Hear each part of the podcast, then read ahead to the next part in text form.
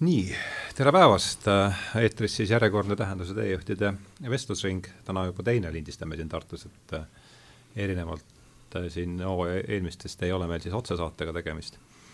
Neid me saame teha praegu Tallinnast, aga, aga mul on siis äh, pärast neid tehnilisi, tehnilise iseloomuga teateid hea meel tutvustada kahte saatekülalist, tere tulemast, Jaak Ikas, tere tulemast, Mihkel Kunnus et olge hea, öelge enda kohta, Mihkel on muidugi nii sage külaline, et äh, aga sa võid ju leida mingi uue äh, külje endast rääkida, aga et alustame Jaagust, ütle enda kohta paar sõna tutvustuseks siis.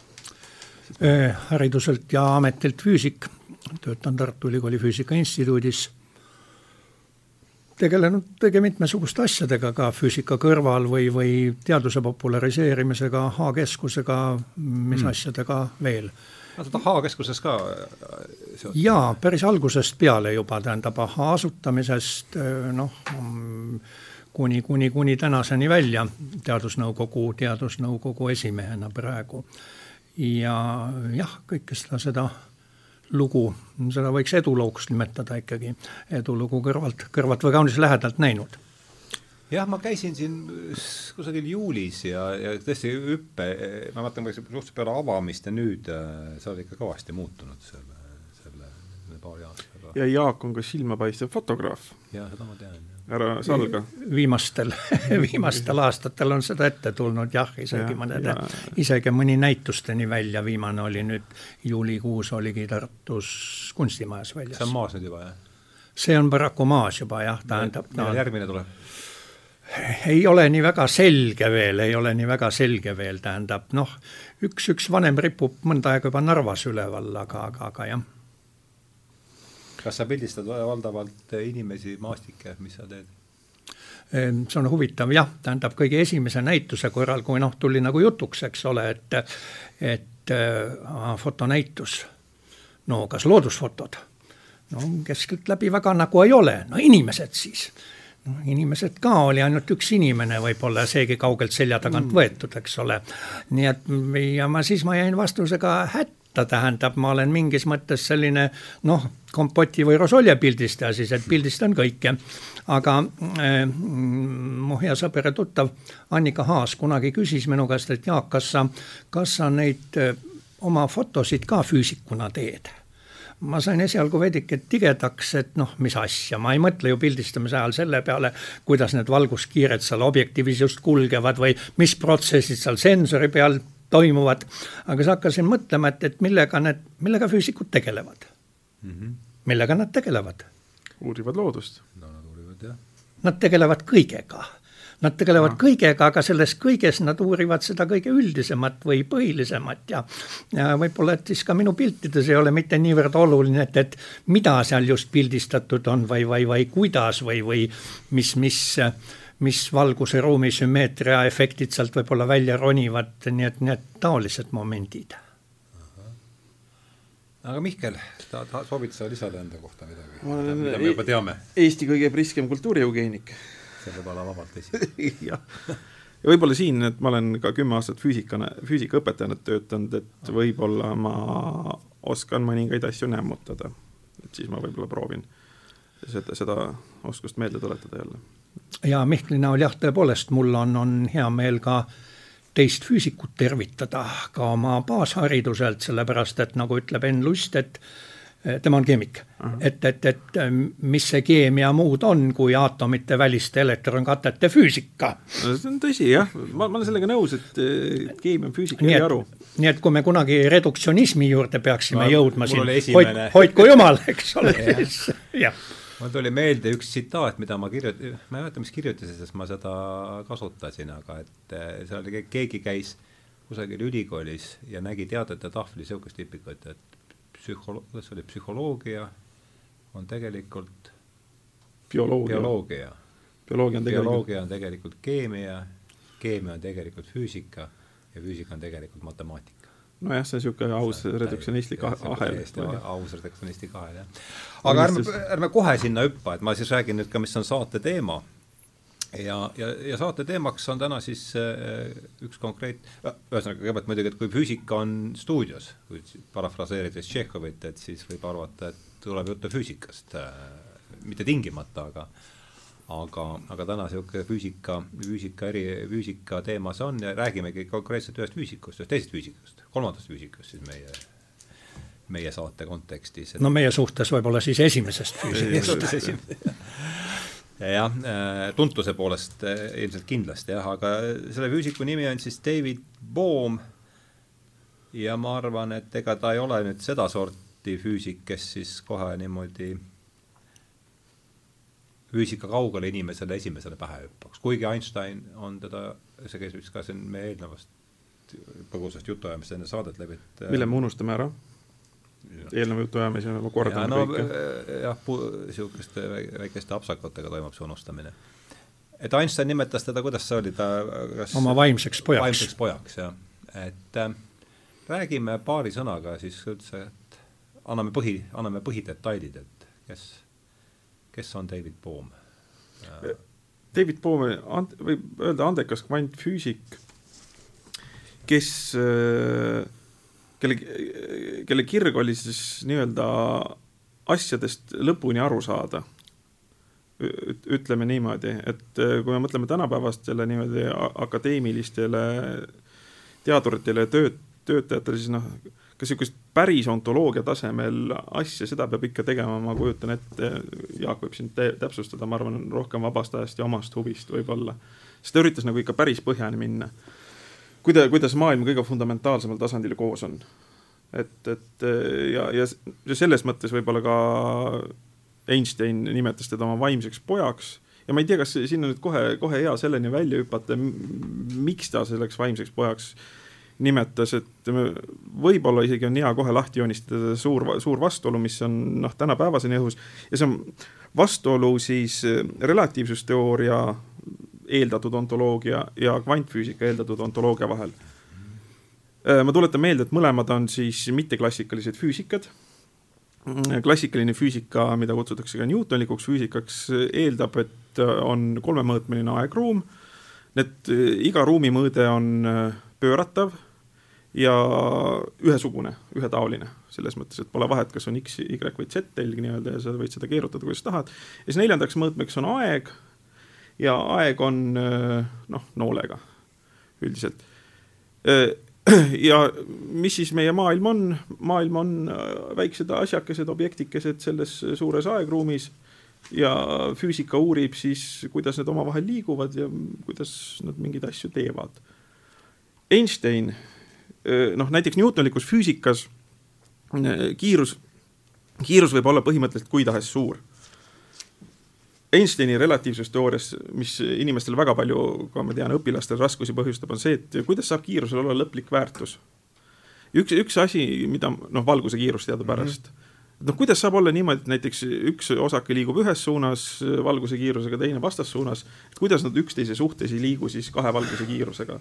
et see tundub nagu jabur aga see jaburus tuleb meile ainult äh, see, et meie baas, arusaam või baas, baasontoloogia on Newtonlik. Ja, ja üks, üks, üks asi, noh, see, mis on olemas, on äh, Einsteini füüsikas hoopis teistmoodi. et äh, see kuulus võrrand E võrdub mc ruut, et siis, mis tähendab siis massi ja energia ekvivalentsusseos, siis ma võin öelda, et see, mis on olemas, saab eksisteerida kahes, kahes vormis. üks on mass ja teine on ma ei ütle siin energia, vaid ma ütlen kiirus. ja lihtsalt asi selles, et kui kogu mass on täielikult, avaldub nii-öelda äh, kiirusena, siis eks ju ta ei saa enam rohkem kiirus olla kui täielikult. Ja see täielik ongi juhuslikult valguse kiirus. ma ei tea, kas see sai natuke selgemaks, see on üks viis, kuidas ma proovin seda tõlkida, eks ju, see eeldab lihtsalt seda, et äh, noh, veel üks näide. Kui me räägime massist, siis me mõtleme, et mass on keha omadus, nagu Newton, Newtonlikus on, mass on keha omadus ja see omadus on nii fundamentaalne, et see ei sõltu keha kiirusest või olekust. eks ju, et on mingi keha ja näiteks ka viiekilone jublakas kivi ja, ja see omadus ei sõltu sellest, kui kiiresti see keha liigub, sest kiirus on miski, mis selle kehaga toimub ruumis, aga Einsteini füüsikas on see, et ei ole niimoodi.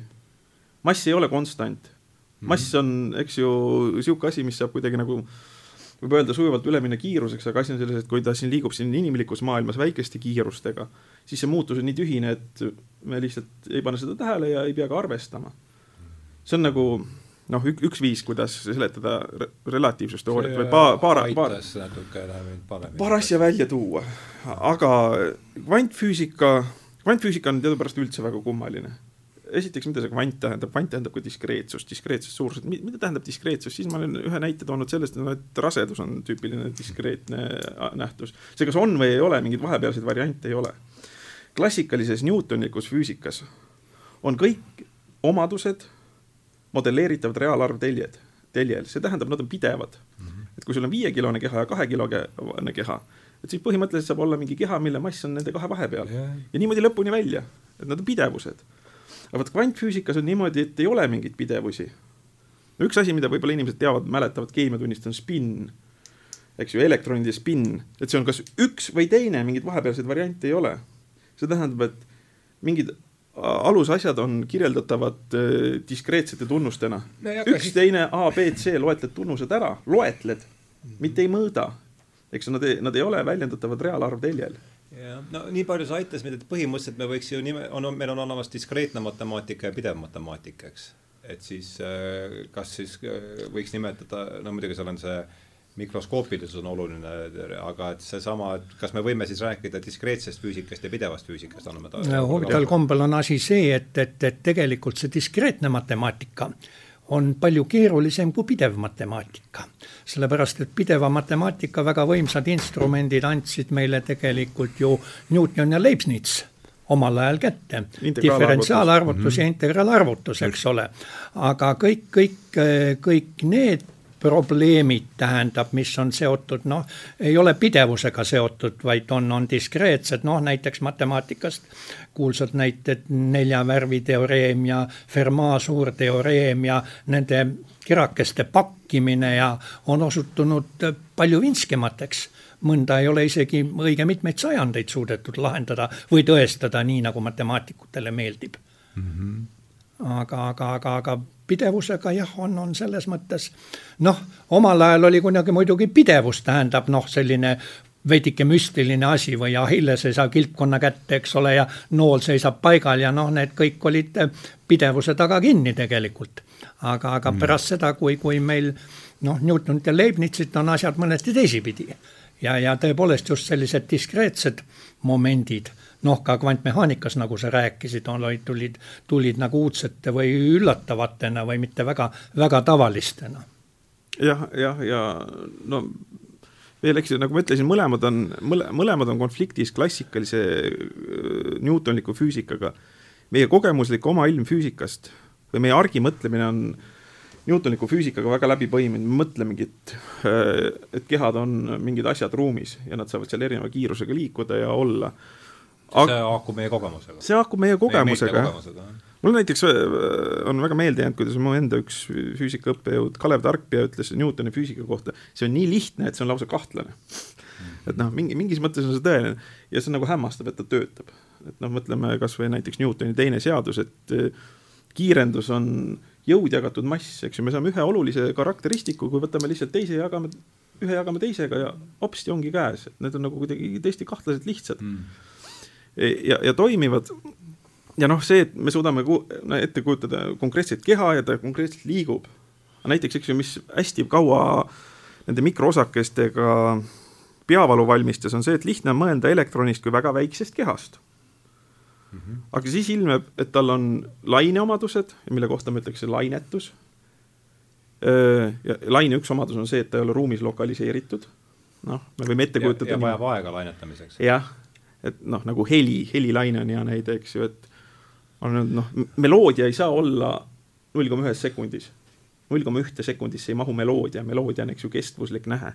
ja see tähendab, et kõige fundamentaalsemal tasandil on mingi kestvus olemas. aga samas on tal ka osakese omadused, nagu keha omadused. ja nagu see on nagu õudselt raske ette kujutada eks ju, et, on sellised, sellised osa, osakesed olemas. ja mu-, ja muidugi see, mis nagu Einsteinile kohutavalt närvide, närvidele käis eh, kvantmaailmas, on siis see, et kvantmaailmas on olemuslik põhimõtteline eh, tõenäosuslikkus.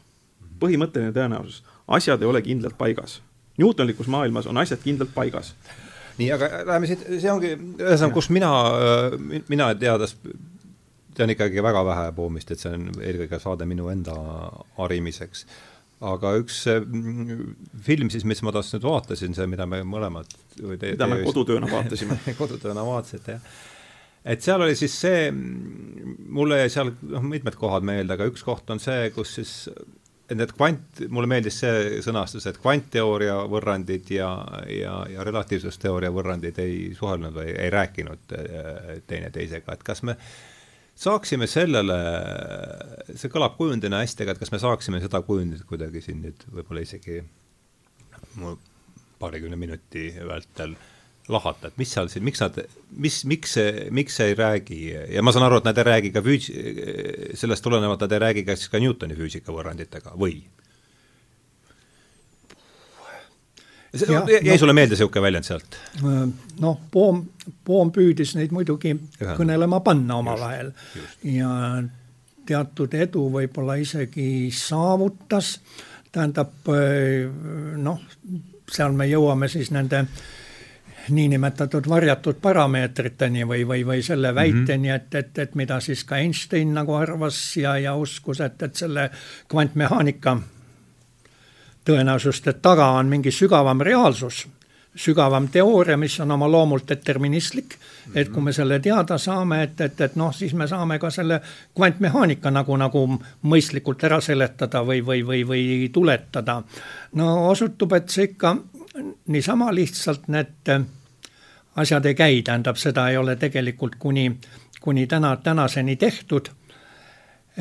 Ja, või on tehtud, aga mingisuguse hinnaga, tähendab, hind on see, et, et, et taolised noh, ka see poomiteooria, ta oma olemuselt ei ole lokaalne ta on küll teisipidi nagu, nagu klassikaline, tähendab, ta erineb klassikalise eh, mehaanika või dünaamika võrranditest ainult ühe lisaliikme võrra, mida siis selleks kvantpotentsiaaliks kutsutakse.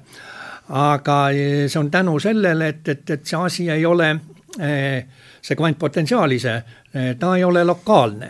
Mis asi see on või mis see lokaalsus on või, või miks füüsikud nii väga seda armastavad, noh, lokaalsus on meie ka igapäevane kogemus tegelikult, et üks asi mõjutab teist, kui, kui, kui noh, ikka pihta annab, eks ole, tahan Mihklit mõjutada, sõnadest puudu ei, seda ma ei julge muidugi teha, eks ole, aga, aga, aga põhimõtteliselt. on vaja lokaalsust. põhi, põhimõtteliselt on, on vaja lokaalsust, eks ole, tähendab.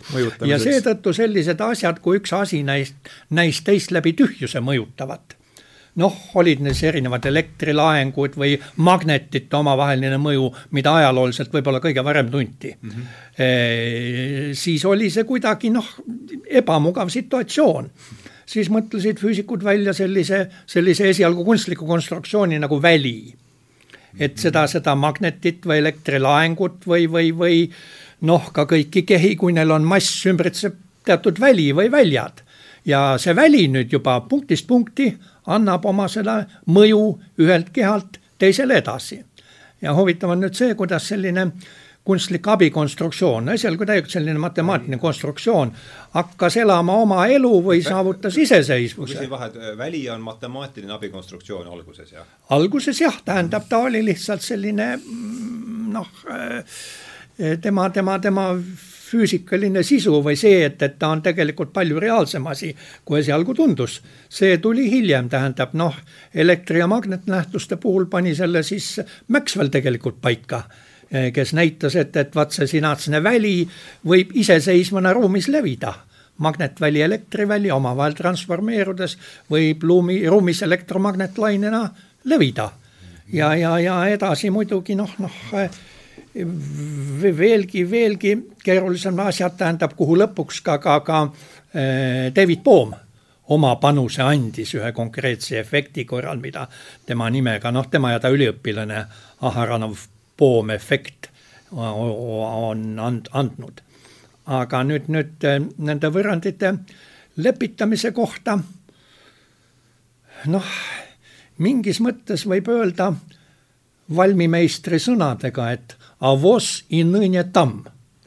Need on asjad, mida tegelikult tragistatakse kuni, kuni tänase, tänase päevani välja, no näiteks eh, selline, selline mees, uh, ähm, kus ta meil, ahaa, Les Moolin, tuntud mm -hmm. ka kvantmehaanik ja, ja kvantgravitatsiooniga tegelenud, et, et tema kirjutab kahe tuhande kuuendal aastal oma raamatus The Trouble with Physics mm. -hmm. et I am convinced that quantum mechanics is not a final theory mm. -hmm. no palun aga, aga, aga et ikkagi see varjatud reaalsus on siis kuskil olemas, milleni me no ühesõnaga on, on, on, on vähemasti mõned mehed, kes usuvad siiamaani, et, et ta on olemas. aga, aga tegelikult ega, ega vastu Poom nende hulgas siis, eks ole? no Poom kuni oma, kuni oma surmani, eks ole, ilmselt nüüd, mis ta, mis ta seal teeb, ei, ei tea, aga aga, aga, aga, aga jah, ja, ja tema ikkagi seda, seda, seda pilootlaine või, või, või kvantpotentsiaali teooriat arendas, mis on, on oma olemuselt, ma ütlen, ta on klassikaline teooria, lähtutakse Schrödingeri võrrandist, aga saadakse sellest äh, kaks klassikalist võrrandit, üks on pidevuse võrrand, mis kirjeldab lihtsalt teatud kiirusega liikuvate osakeste välja ja ütleb seda, et, et osakese ei teki ega kao, tähendab nende arv on, arv on sama. ja teine on siis tegelikult jah, noh, klassikalise mehaanika mõningane formulatsioon, niinimetatud Hamilton-Jacobi võrrand mis on siis pluss selle kvantpotentsiaali lisaliikmega. aga muidu täitsa klassikaline võrrand tähendab noh, muidugi, aga ega see, see, see, see ju võeti, tähendab füüsikute community võttis selle ikka kaunis-kaunis tigedasti vastu. kas see oli nüüd seesama, mis seal selles filmis oli, see, kus see Oppenheimer ja, ja, ja, ja, ja, ja, ja, ja. Ardo, ütle ka kuulajatele, mis film see on aa, selle filmi nimi, väga hea küsimus. või oluline täpsustus, kas see oli Infinite Potential oli vist see, see, selle filmi no tegelikult kui Youtube'i sisse lüüa. guugeldada David Bohm kohe tuleb, jah. Youtube'i dokument. aga kas ma, see on, mul üldse tekiks mingi teoreetiline šanss millestki aru saada, ma pean nüüd esitama vaheküsimusi, eks te peate leppima minuga siin selles osas, et kas ma saan nüüd aru, et ta paneb siis, Bohm selle, paneb omavahel kõnelema siis Schrödingeri äh, ja, ja, ja Newtoni või? mingis mõttes jah, mingis ja, mõttes ja jah. teeb seda selle siis selle äh, kvantpotentsiaali teeb selle kvantpotentsiaali sisse, sisse toomise kaudu, tähendab ta nagu mm, -hmm. nagu tõlgib need kvantmehaanilised efektid, eks ole, äh, tähendab äh, noh, sest kvantmehaanika laine funktsioon, eks ole, Schrödingeri võrrand, mm, mis seda kirjeldab, aga tema on selline, tema on, on, on tema on kompleksne funktsioon, tähendab, tal on kompleksarvulised väärtused. laine funktsioonil tähendab ja Schrödingeri lahendina ja see, see, see tähendab aga, aga kompleksarvud tähendab füüsikas, see toob faasi sisse kohe. see kirjeldab võnkumisi, võnkeprotsesse, lisaks amplituudile on, on, on faas ka sees. aga, aga, aga, aga siis Bohm jah, oma selles eh, kvantpotentsiaali võrrandites ta selle äh, noh, faasi kuidagi taandab osakeste kiiruste väljaks on erineva kiirusega liikuvad, aga klassikaliselt liikuvad oma kindlatel trajektooridel. osakesed ja, ja, ja, ja, ja nende jaotus ja, ja aga nende liikumine siis allub sellele klassikalise mehaanika pluss kvantpotentsiaali pärandusliige mehaanikale aga ole, Mihkel, ütle sina ka vahepeal, noh, see tõesti, et siin tekiks üldse mingigi šanss millestki aru saada, et tuleb ikka põhimõistet, mis, mida teeb Schrödi, Schrödi, äh, vasta enne, mis sa tahad ka rääkida, aga vasta palun see enne ära, et mis on Schrödingeri võrrand? ütleme mida, miks ta on nii oluline kvant? Äh? Schrödingeri võrrandid on nii olulised sellepärast, et äh, nad kirjeldavad hästi teatud kvant- või mikromaailma nähtusi. tema häda on see, et äh, ta ei klapi meie või noh te, te, tema mõistmisel teeb, teeb raskeks see, et see ei ole tõlgitav meie tavapärase kogemuse ehk ka Newtonliku füüsika keelde, see tähendab seda, et seal ei ole asjad, millel on konkreet, konkreetne ruumiline määratlus ja koordinaadid ja liikumiskiirused. näiteks ma, ma toon lihtsa näite äh, füüsika mingis mõttes kõige õndsamatest aeg, aegadest Eh, Simon Pierre de Laplace, kes on ühe jäiga deterministi, determinismi, täisdeterminismi esindaja, tema ütles, et see, kui ta ütles, andke mulle kõigi maailma osakeste A koordinaadid, liikumisvõrrandid ja vaps, ma kirjeldan teile absoluutselt kõik ära. süsteem on täiesti. süsteem on täiesti kirjeldatud. no ta on veidike tagasihoidlikum, ta ütleb, et kui oleks nii võimas intellekt, tähendab, kes suudaks seda kõike. jah, jah, ta ei, ta ei väida, et ta sellega ise hakkama saaks. aga põhimõtteliselt, eks ju, see, et äh, ah, jah, ma nüüd panin Archimedesega ta kokku, tegin liiga. Archimedes tahtis punkti, aga jah, põhimõtteliselt see, et äh, kõigi osakeste koordinaadid, eks ju, mis tähendab lokaalselt, no kuidas koordinaadid, vaata nagu füüsikas tavaline on, võib-olla koolifüüsikast mäletatakse. või me, mida me kasutame isegi, kui meil on vaja arvutada, kui ruttu jõuab buss äh, Tartust Tallinna, millena me käsitleme bussi, punktmassina ju punktmassina, ega meil ei, meid ei huvita bussimõõtmed ega mingid sihukesed asjad. me taandame ta punktmassiks mm. -hmm. näiteks Newtonlik füüsika taandab enamikke asju alati vastavaks punktiks. punktiks, millel on mingid teatavad arvväärtused. punkt on suurepäraselt kirjeldatav koordinaat teljestikul ja kui me saame kõik asjad nii teha, siis nagu väga-väga suurepärane. aga kvantfüüsikas, eks ju, võib-olla on rohkem teatud Heisenbergi määramatuse printsiip ja mis ütlebki, et noh, on mingid omadused, mis ei ole punktiks taandatavad ja see ajab nagu marru, eks. näiteks kui me tahame küsida, kus on elektron, siis saad aru, elektron ei ole koordinaatidega kirjeldatav ja ta on kirjeldatav öö, tõe, leiu-, noh, tõenäo-, noh, tõenäosusega jah, eks ju, vot sealt tulebki nagu Schrödingeri võrrand sisse, mis annab nii-öelda la-, lainefunktsiooni ja, ja mis ütle-, noh, tihti nagu öeldakse gümnaasiumifüüsikas, ta on ruumis laiali määritud. saad aru, kui ebamugav asi see on no jaotus on. ei, ei noh, mitte jaotus, vaid elektron ise on nagu laiali määritud. eks ju, ja tema, tema, tema enda asukoht tähendab, kui minu arust on natuke eksitav see, siin ma jälle räägin nii-öelda õpetaja positsioonilt, et on eksitav öelda, et, et tema tõ-, noh, et tema tõenäosus on kirjeldatav mingi noh, et, et siis, siis on lihtsalt niimoodi, et, et selles punktis on tema tõenäosus suurem, selles punktis on, on väiksem eks ju, aga ta siiski on ise nagu punkt. Lihtsalt leiu tõenäosus on niisugune erinev, aga asi on see, see, mida väidab kvantfüüsika oma ontoloogilisel tasandil, on see, et ta ise on nagu laiali määritud mingis no, mõttes. jah, ta on ontoloogiliselt laiali määritud, mitte tema nii-öelda lihtsalt leiu tõenäosus. oled sa selle jutuga nõus, Jaak? kusjuures see ei ole, tähendab üks, üks oluline moment siinjuures, et ta ei ole mitte selline klassikaline statistiline jaotus, vaid laiali määritus. aga vot seal on see faas tuleb veel juurde. vot sellest ei saa mina aru ausalt öeldes, kas tähendab, seda on võimalik selgitada üldse?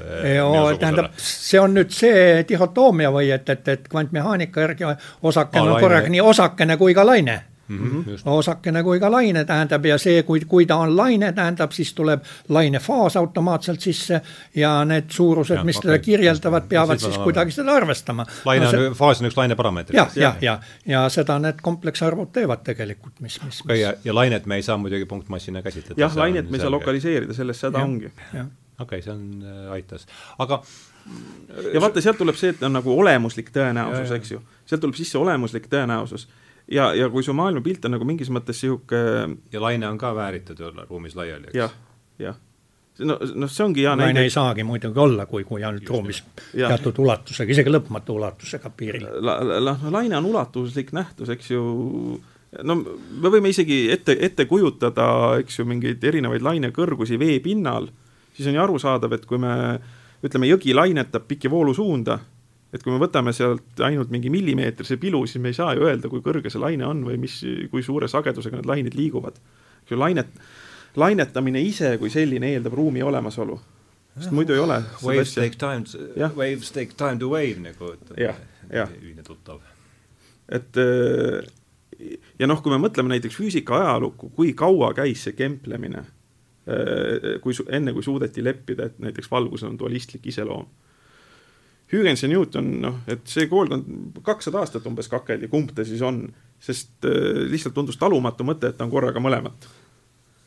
eks ju, noh, bioloogiast me võime ette kujutada, et leitakse nokkloom ja siis kakssada aastat vaieldakse, kas ta on lind või loom. aga ei saa olla niimoodi, et tal on korraga mõlema tunnused. sest see läheb meie põhilise epistemoloogia vastuollu, eks ole, et asjad peavad olema ühed. jah, ja see, kui, eks ju, maailma sätestatakse nii-öelda olemuslik tõenäosus siis võib, võib ju, saab alati öelda, et ei ole olemuslik tõenäosus. see, et seal on lihtsalt mingid varjatud parameetrid, mida me veel ei tunne, ta on ikkagi täis determineeritud, aga me ei tea, mis teda determineerib. et vot siin tuleb sisse see metafüüsiline eeldus mm, -hmm. ma ütleks okei okay,, aga tuleme tagasi veel selle Schrödingeri juurde võrra, et seal on siis midagi on, ma ei tea, kas seal, kas seal see loogika ju ta ikka kehtib, et äh, ühel pool võrdusmärki on sõltuv muutuja, teisel pool on sõltumatud muutujad, kas nendest oleks võimalik mingi, mingit sotti saada või? nojah, tähendab Schrödingeri võrrand, mis ta on, ta kirjeldab lainefunktsiooni muutumist ajas. nii et ühel pool on aja, ajaline tuletis ja teisel pool on siis, siis äh, ruumilised asjad, tähendab äh, tuletised ruumi koordinaatide järgi ja, ja, ja ka see potentsiaal, milles see osakene asub ja kas siis ütleme, sellele on vektor on siis sõltub, sõltub mitu, mitu siis äh, ütleme vasakul pool, kui see ei, vasakul pool lainefunktsioon oma, oma lihtsas, lihtsas lähenduses on üks kompleksarv, mis Aha. sõltub ruumi ja aja koordinaatidest ta muutub ajas ja sõltub ruumi koordinaatidest. aga kuidas seda see Schrödingeri võrrand siis kirjeldab, kuidas muutub ajas, kui ja see tähendab aja, seob omavahel ajalised ja ruumilised muutused ka selle potentsiaaliga, milles see osakene asetseb. on see siis noh, elektriline potentsiaal või mis iganes. see praegu noh, siin vist ei ole põhjust pikalt takerduda, ma siin, siin mul ei tule lihtsalt see tunnetus järgi nagu, et see aga oota, aga mida ta ikkagi nüüd, mida, võtame uuesti, mida, katsume siiski aru, mida nüüd Schrödingeri võrrand üritab meile siis äh,, mida ta selgitab? ta äkki, äkki, äkki ma mõtlen, et kõik, eks võib-olla oleks lihtsam minna aatomimudeli juurde, seletada aatomimudeli kaudu kuidagi no.. aga kui mina aru ei saa, siis ei saa ka palju, vähemalt mõni saad, kuulaja ei saa veel aru. võib-olla on hea, näeme, kuidagi, eks ju, atomistlik taust, eks ju, ma tuletan meelde, mis on atomism. Atomism oli siis, kui kunagi ammu, ammu Leukippas ja Demokritos mõtlesid, et niimoodi, kui meil on üks tükk ainet käes, teeme selle katki. jagamatu. jah, kaugele me saame minna, kas lõpus mm -hmm. saame sellise tüki, mis põhimõtteliselt ei lähe katki. Ja see on kõige väiksem, eks ju, aatomos tähendabki sama, mis jagamatu. Niimoodi. Ja siis, eks ju, noh, sealt tuleb aatomi nimi, arvati, et aatom on jagamatu siis äh, üsna hiljuti pandi tähele, et aatom ei ole siiski jagamatu. aatomil kukkus põhi alt ära. aatomil kukkus põhi alt ära, jah, eks ju, pandi tähele, et seal on no, elektronid. ja noh, näiteks üks esimene mudeleid minu arust, mis on siiamaani väga levinud igasuguste äh, ikooniliste märkidena, on see, et aatomit kujutatakse planetaarmudeli kaudu et on mingi positiivne tuum ja seal tiirlevad ümber elektronid. mina kasvasin Eks... üles selles õndsas teadmises elasin sellega nagu see, see, see on nagu nii, nii ilusti klapitatav Newtonliku maailmaga, eks ju, nägu kuu ümber maa, tiirlevad elektronid ümber selle. aga noh, siin, siin on nüüd juba, juba esimene probleem on selles, eks ju, et me võime kui meil on üks suur keha, näiteks planeet Maa, siis me võime sinna orbiidile panna kui tahes kaugele mingeid asju aga see, kus see esimene probleem tuli see, et tundub, et mingid orbiidid aatomi ümber on võimalikud, lubatud ja mingid ei ole. sealt tuleb see kvantaspekt. noh, tähendab, tuleb, tuleb välja, et seal pidevus puudub, eks ju, seal pidevus puudub tähendab, esimene pro-, esimese probleemi tekitas Maxwell tegelikult sellise mudeli juures. et nimelt, kui see elektron, elektron paneb ringorbiidil, ta peaks kiirgama elektromagnetlained kiirendusega liikuv laeng kiirgab elektromagnetlaineid. see tähendab, ta annab välja energiat, aga siis peaks tema energia kogu aeg kahanema ja lõpuks ta peaks sinna tuuma kukkuma mm. -hmm, jah no,, see tuleb tuttav ette. jah, vot, vot, vot see. No, ja, see ja, oli see probleem, mille, mille teatud see, lahenduse Niels Bohr siis postuleeris esialgu lihtsalt kunstlikult, et need teatud orbiidid, kus ja. ta ei kiirga mingitel imelikel põhjustel et ta saab olla diskreetsetes positsioonides ja,. jah ja,, sealt see tulebki, eks ju, ma, ma arvan, et seda võib-olla mäletab. ja see oli, kas Planck oli esimene, kes, kas oli see musta, tumeda keha probleem, kus hakkas see, kus hakkas no see... sealt tulid need kvandid ja, ja, ja, ja, ja kiirguse, kiirguse, elektromagnetkiirguse kvantteooria. aga, aga aatomitega Niels Bohr tegelikult ikkagi selle planetaarmudeli nagu planetaarmudeli kontekstis. jah, jah, jah no tähendab, probleemid tulevad siis, eks ju, kuidas seda olukorda seal kirjeldada. ja, ja, ja järjest, lihtsalt järjest hakkas selguma, et Newtonlike kategooriatega seda üldse seletada ei anna. no mitte kuidagi, eks ju, sest tõepoolest seda uut päikesesüsteemi. jaa, seda uut päikesesüsteemi saab, vana päikesesüsteemi saab suurepäraselt tegelikult Newtonliku füüsikaga seletada. saab suurepäraselt kehad, neil on konkreetne asukoht, liiguvad ilusti ringi, liiguvad seal, kus tahavad ja nii edasi, aga sealt, sealt ei saa. ja siis noh üks võimalus on lihtsalt vahetada äh,, väga lihtne võimalus on vahetada nii-öelda mitte baasmõistmed, vaid äh, baaskarakteristikuid. ei ole mingi elektron mingil kaugusel mingi kiirusega, vaid on lihtsalt aatomil teatavad erinevad energeetilised seisundid. tal on üks energia või teine energia või kolmas energia. ja saad aru, need, need nagu ei peaks klappima üldse. ennem on, ennem on keha ruumis mingite koordinaatidega liigub mm, -hmm. ja siis hops on hoopis energia üks, energia kaks, energia kolm ja kusjuures kõige huvitavam on need, et on niimoodi, et ühes olekus on, ütleme tal energia viis džauli, tegelikult on seal elektronvoldid ja väikse, hästi väiksed, aga ma ütlen, et noh, tuttavad ühikud. ja teise, teises olekus on näiteks seitse džauli, aga mingit vahepealset varianti olla ei saa. ja see tundub nagu hästi jabur ühesõnaga, see kõik toimub väljaspool siis see, mis seal äh, kvantfüüsikas toimub, toimub väljapool kartesiaanlikku ruumi siis või? Ma ütlen siia vahepeale ühe sellise nalja või mille teretulnud. füüsikaprofessor ütles oma üliõpilasele, kui see kippus liigselt äh, kvantmehaanika filosoofiliste või fundamentaalteooria probleemide üle targutama et lõuad pidada ja edasi rehkendada. aga see on Boori, kas see on ju Boori soovitus, eks ole? Sain... no see veidike karmimalt sõnastatud, aga, aga põhimõtteliselt jah. Et, et, et, et, et, et vot, sest kõik, kõik need, need, need rehkenduse retseptid, nad annavad õigeid, korrektseid tulemusi annavad, eks ole. ja, ja, ja aatomite kohta ja kõik, kõik, kõik, kõik, kõik. Aga kui sa tahad jah, seda kuidagi noh, kui sa tahad sellest aru saada, vot siis sa võid, võid raskustesse sattuda, ehkki selle arusaamisega, no vot siin me jõuame selle positiivistliku teaduskäsitluse juurde, mille kohta John von Neumann ütles, et, et ega, ega teadus ei püüagi midagi seletada. Nad isegi vaevalt püüavad midagi interpreteerida. ainus on, mis nad ehitavad mudeleid ja mis on mudel? mudel on teatud matemaatiline konstruktsioon, mis teatud verbaalse interpreteerimise abil äh, annab kontrollitavaid tulemusi.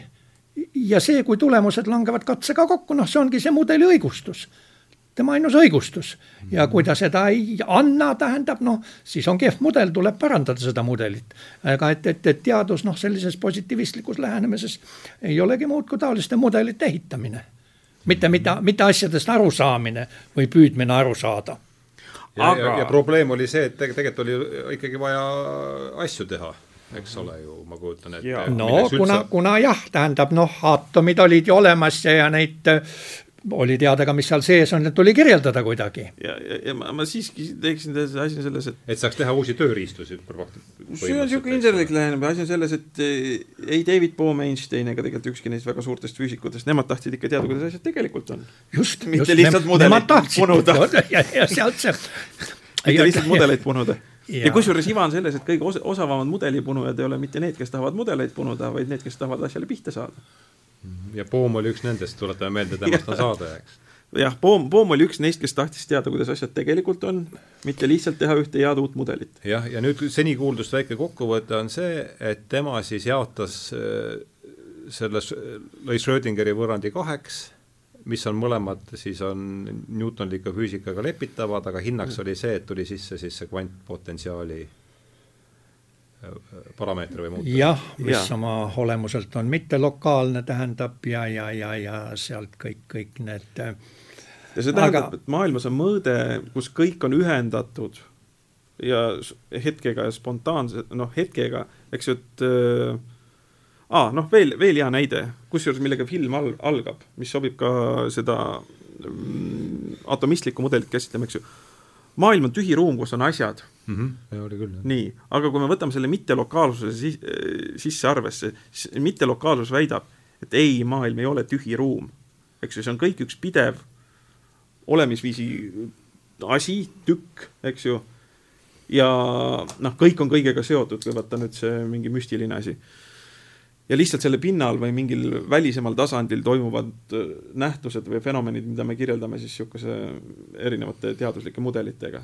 Hmm. noh, võibki, võibki selle üheks asjaks öelda, et tühjust ei ole, ma arvan, et kui kujundlikult võtta aga seda on väga raske jälle inimesel mõista. tähendab tegelikult seda, noh, see, see tuleb ka kvantmehaanikast, kvantfüüsikast, kvantväljateooriast välja, et tühjust ei ole, et, et, et vaat seesama väli, eks ole, mida, millest me siin rääkisime, eks ole, osutub, et, et see väli on olemas ka siis, kui teda klassikaliselt nagu ei ole ka tühjas ruumis on ta oma nullseisundis alati olemas ja teatud nippidega ta saab sealt välja ka sikutada, tähendab, teha, teha nähtavaks või, või, või eksisteerivaks või ta avaldab teatud, teatud mõju. nii et tühjus ei ole kunagi absoluutne tühjus.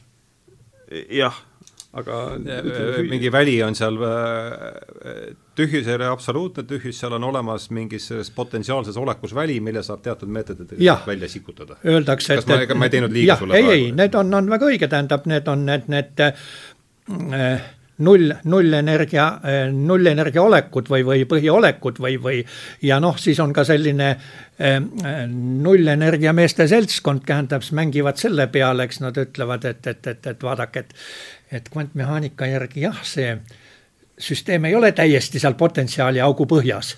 et seal on veel, veel jupp ruumi tegelikult päris põhjani välja, et kui me saaksime kuidagi kätte selle sealt, selle energia, oi kui palju energiat meil oleks. aga noh, häda on selles, et kvantmehaanika ei luba sellel osakesel või väljal sinna potentsiaali augu põhja minna. nii et seda, seda energiat ei saa kätte, aga, aga neid nullseisundit, neid saab noh, nähtavaks teha või, või, või, või, või, või, või jah ühesõnaga, maailm on täis ja tihe. Mitte tühi ruum, kus on üksikud kehad.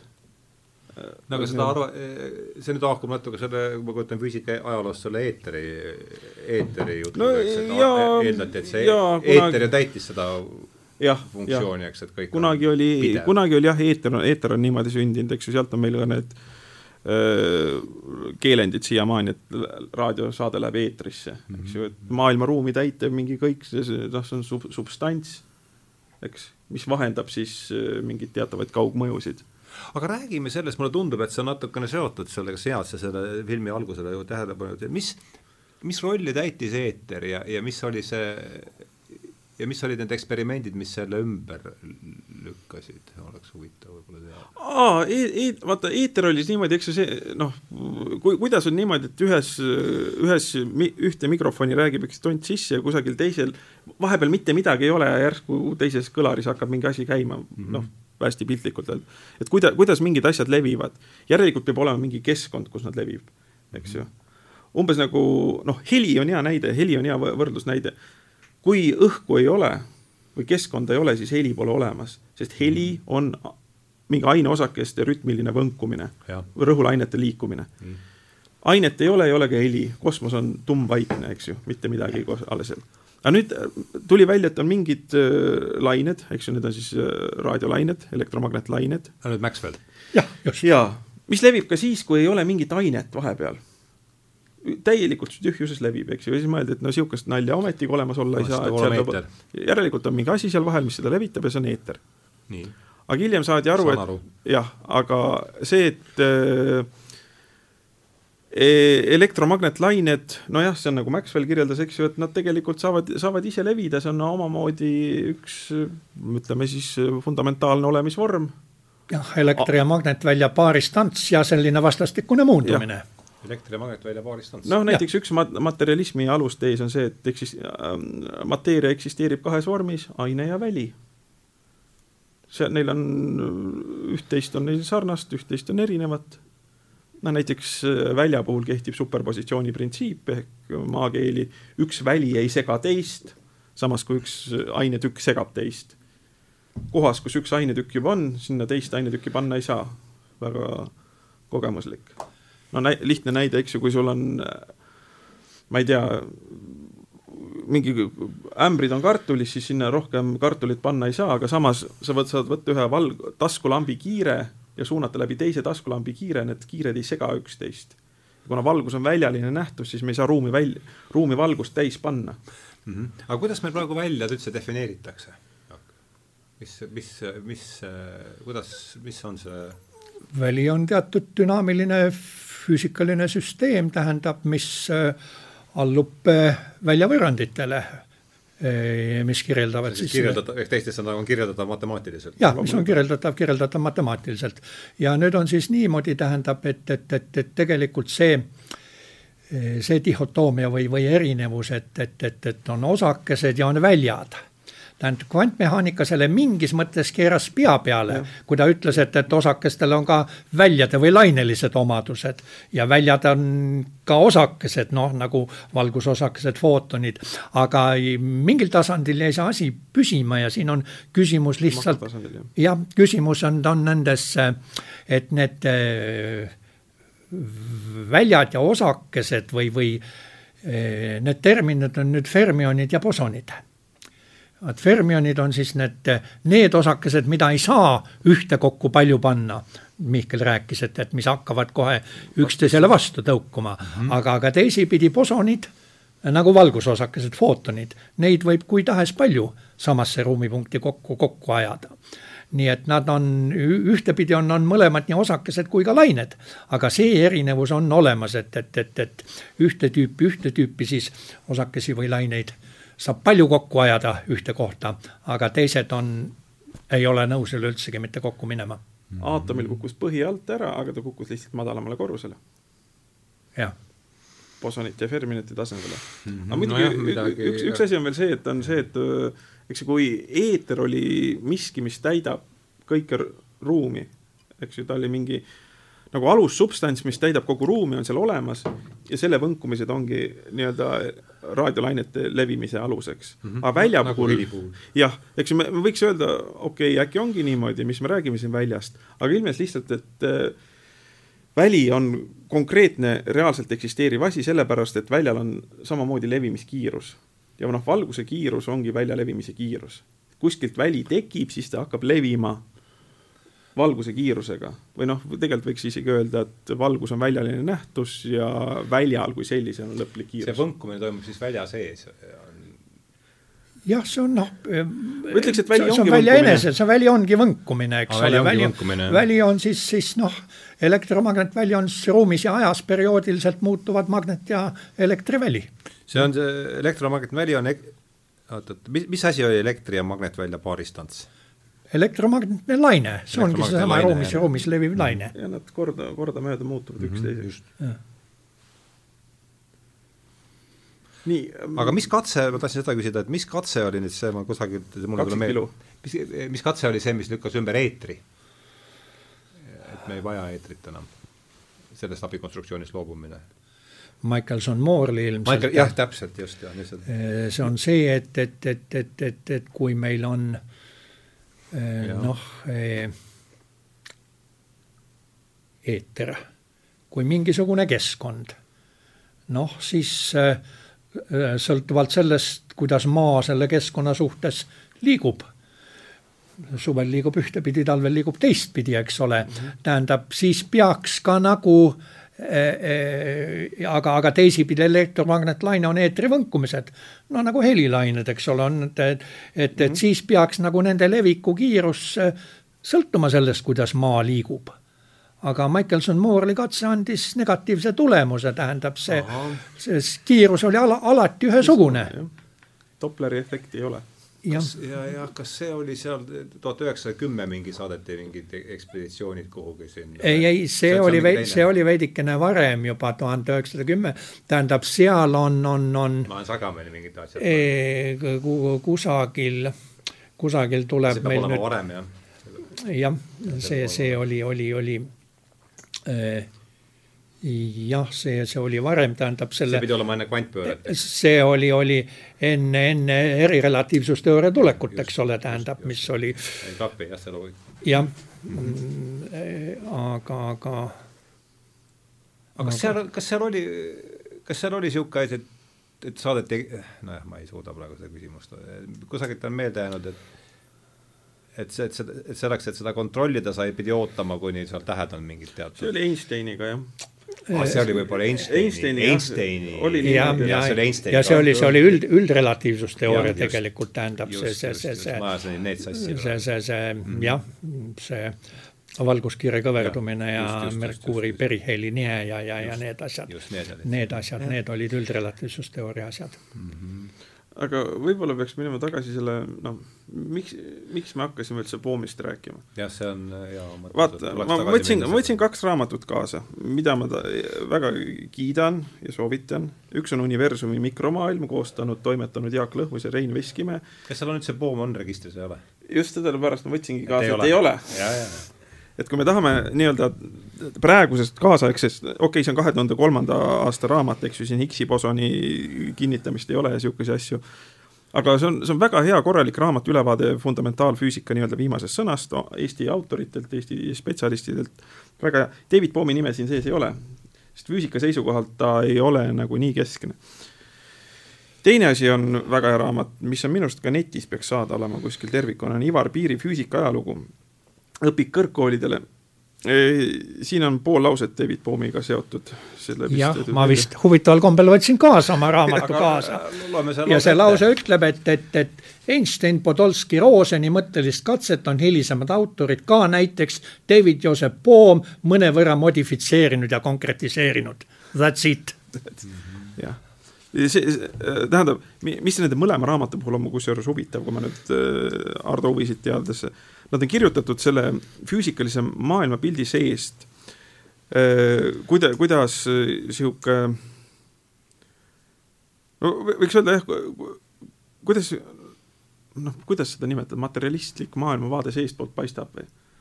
Või niimoodi, eks ju, kust ta, kust ta on välja läinud, kuidas ta on küpsenud, kuidas ta elab areneb.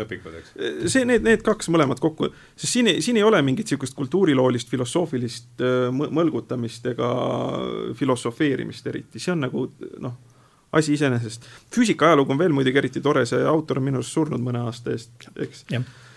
Äh, no mingis mõttes ta võib olla poliitiliselt ebakorrektne, need, need siin on suurkujud on sisekaantel ja tegelikult tee või tina, need on valged mehed ainult, no mõni naine on ka okei okay, siin teadupärast Skolska-Curie ja siukesed.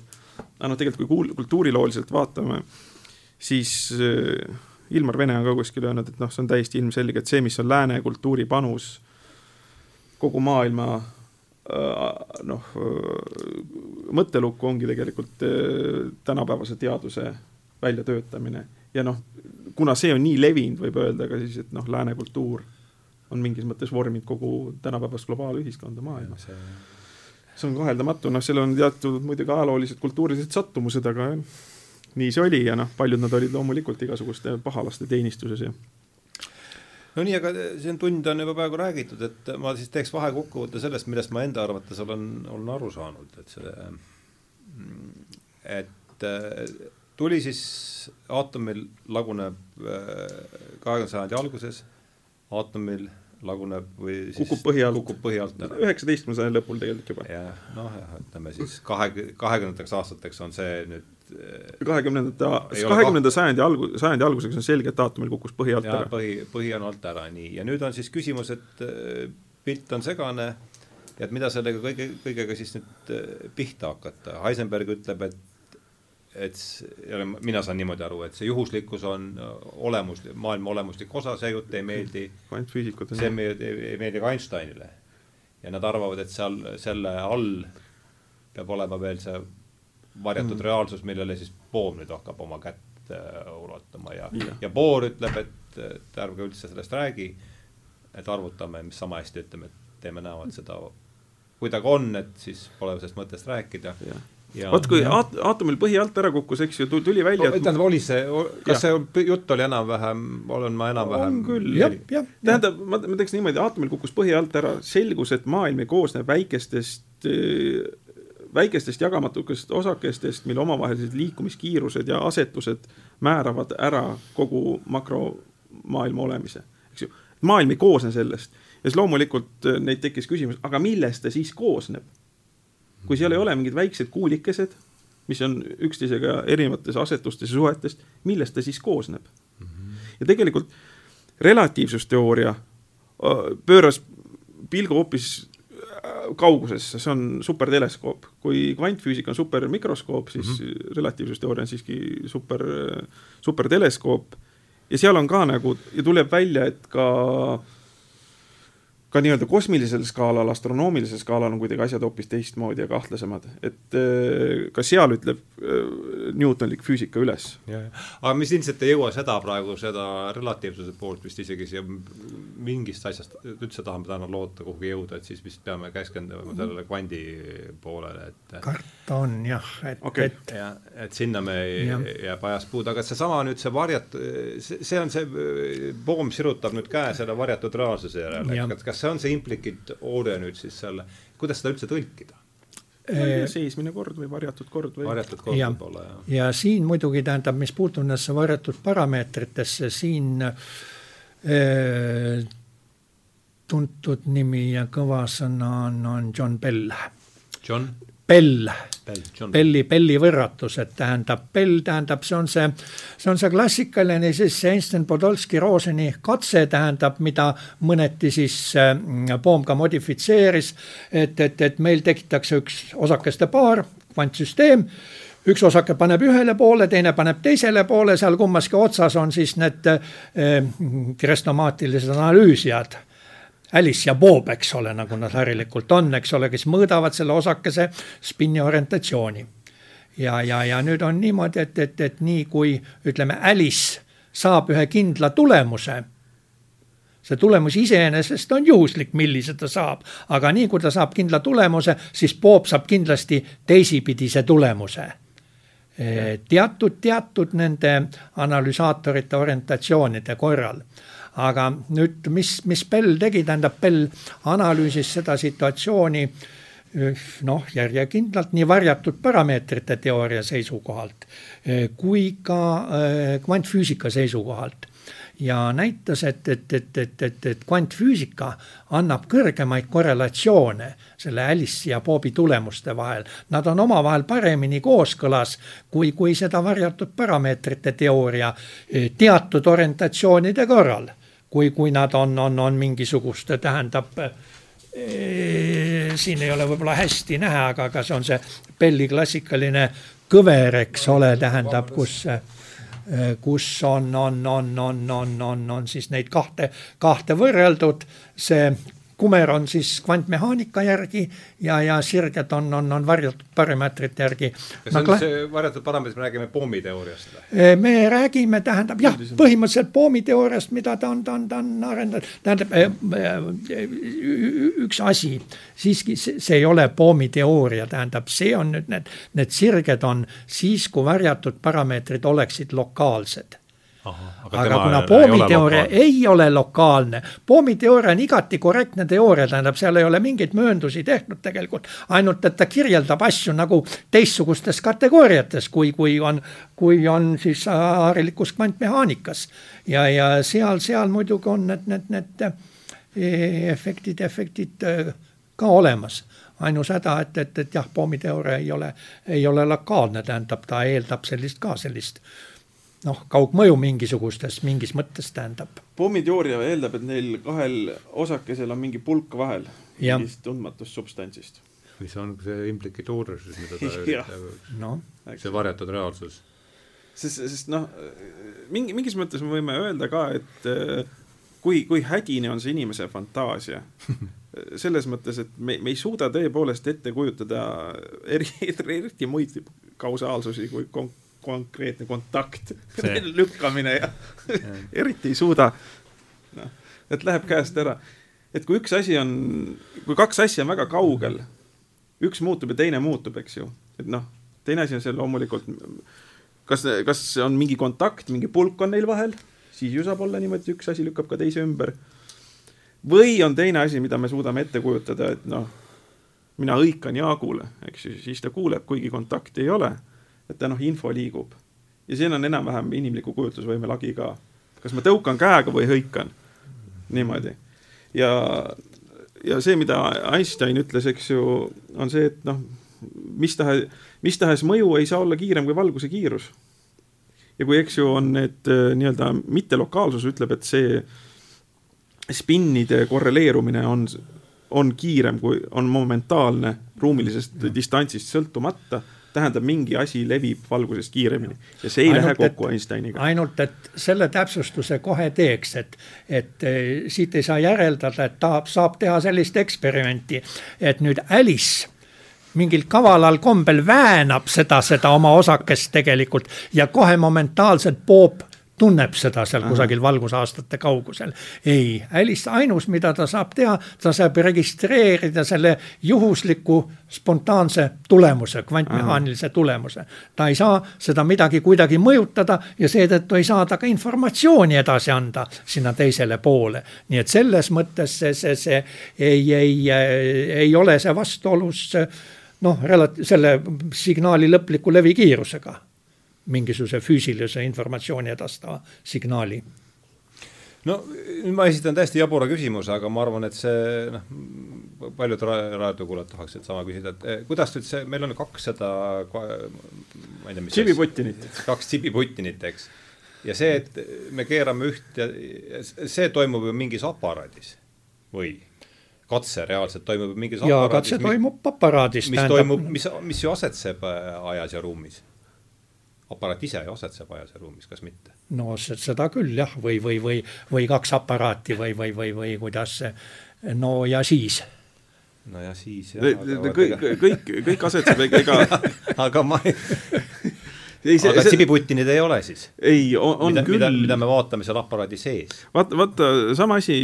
ma ei saa, ma lihtsalt on, ei saa aru. on ikka. tähendab, tähendab, tähendab. kõik äh..., kõik on ajas ja ruumis, nii, nii aparaadid kui Sibiputtinid kui, kui meie vaata, asi on selles, et see, mida Einsteinis ütleb niimoodi, kui üks tahab hõigata teisele või näidata isegi veel kiiremini valgust pilgutada, siis see valgus võtab ka aega ja liigub. ja okei okay,, ma, ma küsin paremini jah, okei okay,, see, aga et, et me ei saa ju reaalselt seda, noh, see on ikkagi matemaatiline mäng, mis me siin räägime, et üks osake on teisest mõne valgusaastaga või saame, või on see mingi teleskoopidega või kuule, minu arust on seda üritatud ju teha no tähendab, vähemasti vist on, ma ei tea, maa peal on siin noh, sadade või isegi tuhandete kilomeetriteni juba jõutud. ikka teha ikka sellised rea-, aga ja, kuidas see umbes välja näeb? no umbes see on, on, on, enamasti on seda minu arust tehtud öö, valgusosakeste footonitega mm -hmm. ja nende polarisatsiooni peal tähendab, kui nad tekivad, tekivad ühes, ühes kvantprotsessis,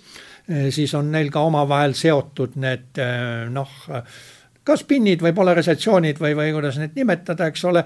noh, ütleme ja siis, siis panebki, üks paneb ühele poole, teine paneb teisele poole kas õhus või vist on ka, ka optilistes fiibrites tehtud neid, neid, neid katseid. üks labor asub Sydneys ja teine asub siis jah, näiteks, näiteks, näiteks tähendab ja, ja, ja. nojah, okei okay,, ja te, tehnilistesse detailidesse niikuinii ei, ei jõua ei saa aru lihtsalt. no tähendab jah, ma, ma nii, nii palju ma olen usaldanud äh, füüsikuid ka ise, et mitte te tehnilisse detailidesse laskuda, et kui nad on raporteerinud, et nad saavad hakkama mingi nii-öelda, see on see kaugmõju katsega, siis ma arvan, et nad tõenäoliselt nad midagi seal said. pean, pean ütlema seda, et kuna see ei raputa mu, mu olemise alustalasid nii tugevalt ma sa oled nõus äh, vaatama X-i bosoni käitumisele läbi sõrmede?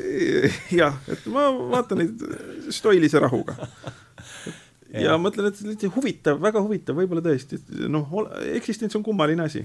aga mine selgitage mulle palun seda ära, et mis see, mis see kaugmõju siis nüüd nii väga ära ei ole, gravitatsioon on ju kaugmõju? ei, vaata, see on, siin tuleb teha konkreetselt. no vot ei ole, Einsteini järgi gravitatsioon Aha. ka levib lõpliku kiirusega ja, ja ka lainete kujul ja gravitatsioonilained ongi praeguseks leitud, eks ja, ole, tähendab viimase, viimase paari aasta üks uhkemaid teadussaavutusi. -hmm. jah, ja, ja, ja ka need gravitatsioonilained ei liigu ruumis kiiremini kui maksimaalne su lubatud kiirus ehk valguse kiirus. mitte miski ei liigu kiiremini kui valguse kiirus. see tähendab, mitte ükski interaktsioon ei saa olla ka kiirem kui valguse no, see kiirus. praeguse kosmoloogia see ja. nurgakivi, eks mingis määral, mingil määral. aga kvantfüüsika ütleb, et äh, siin kohas üks asi fikseerub, üks spinn, siis ükstapuha, kui kaugel teine spinn teeb mingi momentaalselt samaaegselt sama viguri eks ju. ja see on, toimub kiiremini kui jah ja, ja, mitte, mitte lihtsalt kiiremini, vaid samalaegselt, momentaalselt no,, eks ju. mis tähendab kiiremini ja.. jah, ütleme siis nii. ja, ja see, see on ame-, see on ametlik, äh, seal on templid all kõik sellel saavutatud. jah, ja, ja, ja. ja asi on selles, et ka relatiivsusteoorial on templid all ja need ei lähe kokku. See, see koalitsioon on sama kehv kui meie praegune. Oi, vabandust. Tõin poliitilise mõõtme sisse analoogia. No nii, aga üritame nüüd siis ikka, mida, mida tähendab siis..., ontoloogiad ei klapi. Kahe, kahel hästi toimival teoorial. kas, kuidas sulle meeldis see, Jaak, see lause, et mis siin Mihkel ütles, et ähm, jah, et vastuolu kvantfüüsika ja erirelatiivsuse e, eraldi, eraldi eri, vastuolu eh, kvantfüüsika ja relatiivsusteooria eel, eeldatavate ontoloogiate vahel, et kas kuidas haakud sa selle sõnastusega või ütleksid? tähendab, kus tegelikult vastuolu või, või, või suur ja lahendamatu vastuolu sees istub, tähendab, see on siis kvantfüüsika ja eh, üldrelatiivsusteooria vahel. ja, ja see asjaolu, et, et, et gravitatsiooni mida kirjeldab üldrelatiivsuse teooria, ei ole suudetud korrektselt kvantmehaaniliselt kirjeldada Mm -hmm. seal on küll, tähendab see, see, see, see. Need võrrandid ei räägi omavahel? Need võrrandid ei, ei räägi omavahel jah. ja, ja, ja, ja sest seal on, on, on tõesti, ütleme, kui kõik need, kui kõik need ülejäänud interaktsioonid noh, elektromagnetne ja, ja, ja nõrk ja ka, ka, ka tugev mingil määral on nagu ühte pandud või, või nad räägivad omavahel kõik, eks ole, osakesed, no osakeste standardmudel tegelikult osakesed ja välja tagavad gravitatsiooni ei ole sellesse süsteemi suudetud panna. jah, vot see, see lause, mis mina ütlesin, oli selles mõttes inimlikum, et äh, kui mul on mingid teooriad, siis ma ei suuda neid vaadata lihtsalt valemitena, vaid ma mõtlen sinna mingi ontoloogia külge muidu see ei saa mulle omaseks, eks ju. aga see, see aga mida... seda, ja siin sa eksid Boori vastu, kes ütleb, et ära mõtle üldse mingile ontoloogiale, vaid äh, jah, lihtsalt, lihtsalt sõelumaailmast välja matemaatilisi regulaarsusi, eks ju mm. -hmm. aga see, see, noh, see, see, mida Jaak ütles ka siin positiivismi kohta, eks, et me, me punume mudeleid ja kui hästi nad ennustada aitavad, seda parem, eks ju. aga see, see läheb vastu, ma ütleks, niisuguse teatava filosoofilise kirega saada asjadele tõeliselt pihta. Poomiga seoses ma tahaks, kui tohib, ühe asja veel ära rääkida, tähendab, see on see ainus efekt või katse tähendab, mispärast poom oli minu füüsiku teadmuses juba, juba mõnda aega tegelikult. enne seda tähendab, see on niinimetatud see Aharonov poomi efekt ja efekti see on, on järgmine, et meil on üks pikk solenoid. see on traadikeerd ja traadikeerd, mille sees võib olla elektrivool, võib ka mitte olla mm. -hmm. kui on elektrivool, siis on seal sees ka magnetväli. aga kui solenoid on väga pikk või võib-olla isegi pikk ja rõngasse keeratud, siis sees väli on, aga väljas ei ole. kogu magnetväli on seal solenoidi sees, lõksustatud, noh klassikaline see Faraday ja, ja Maxwelli ja need teooriad ütlevad, et see on niimoodi. nüüd me laseme sellest selle solenoidist mööda elektrone, aga mis on kvantmehaaniliselt ka laine.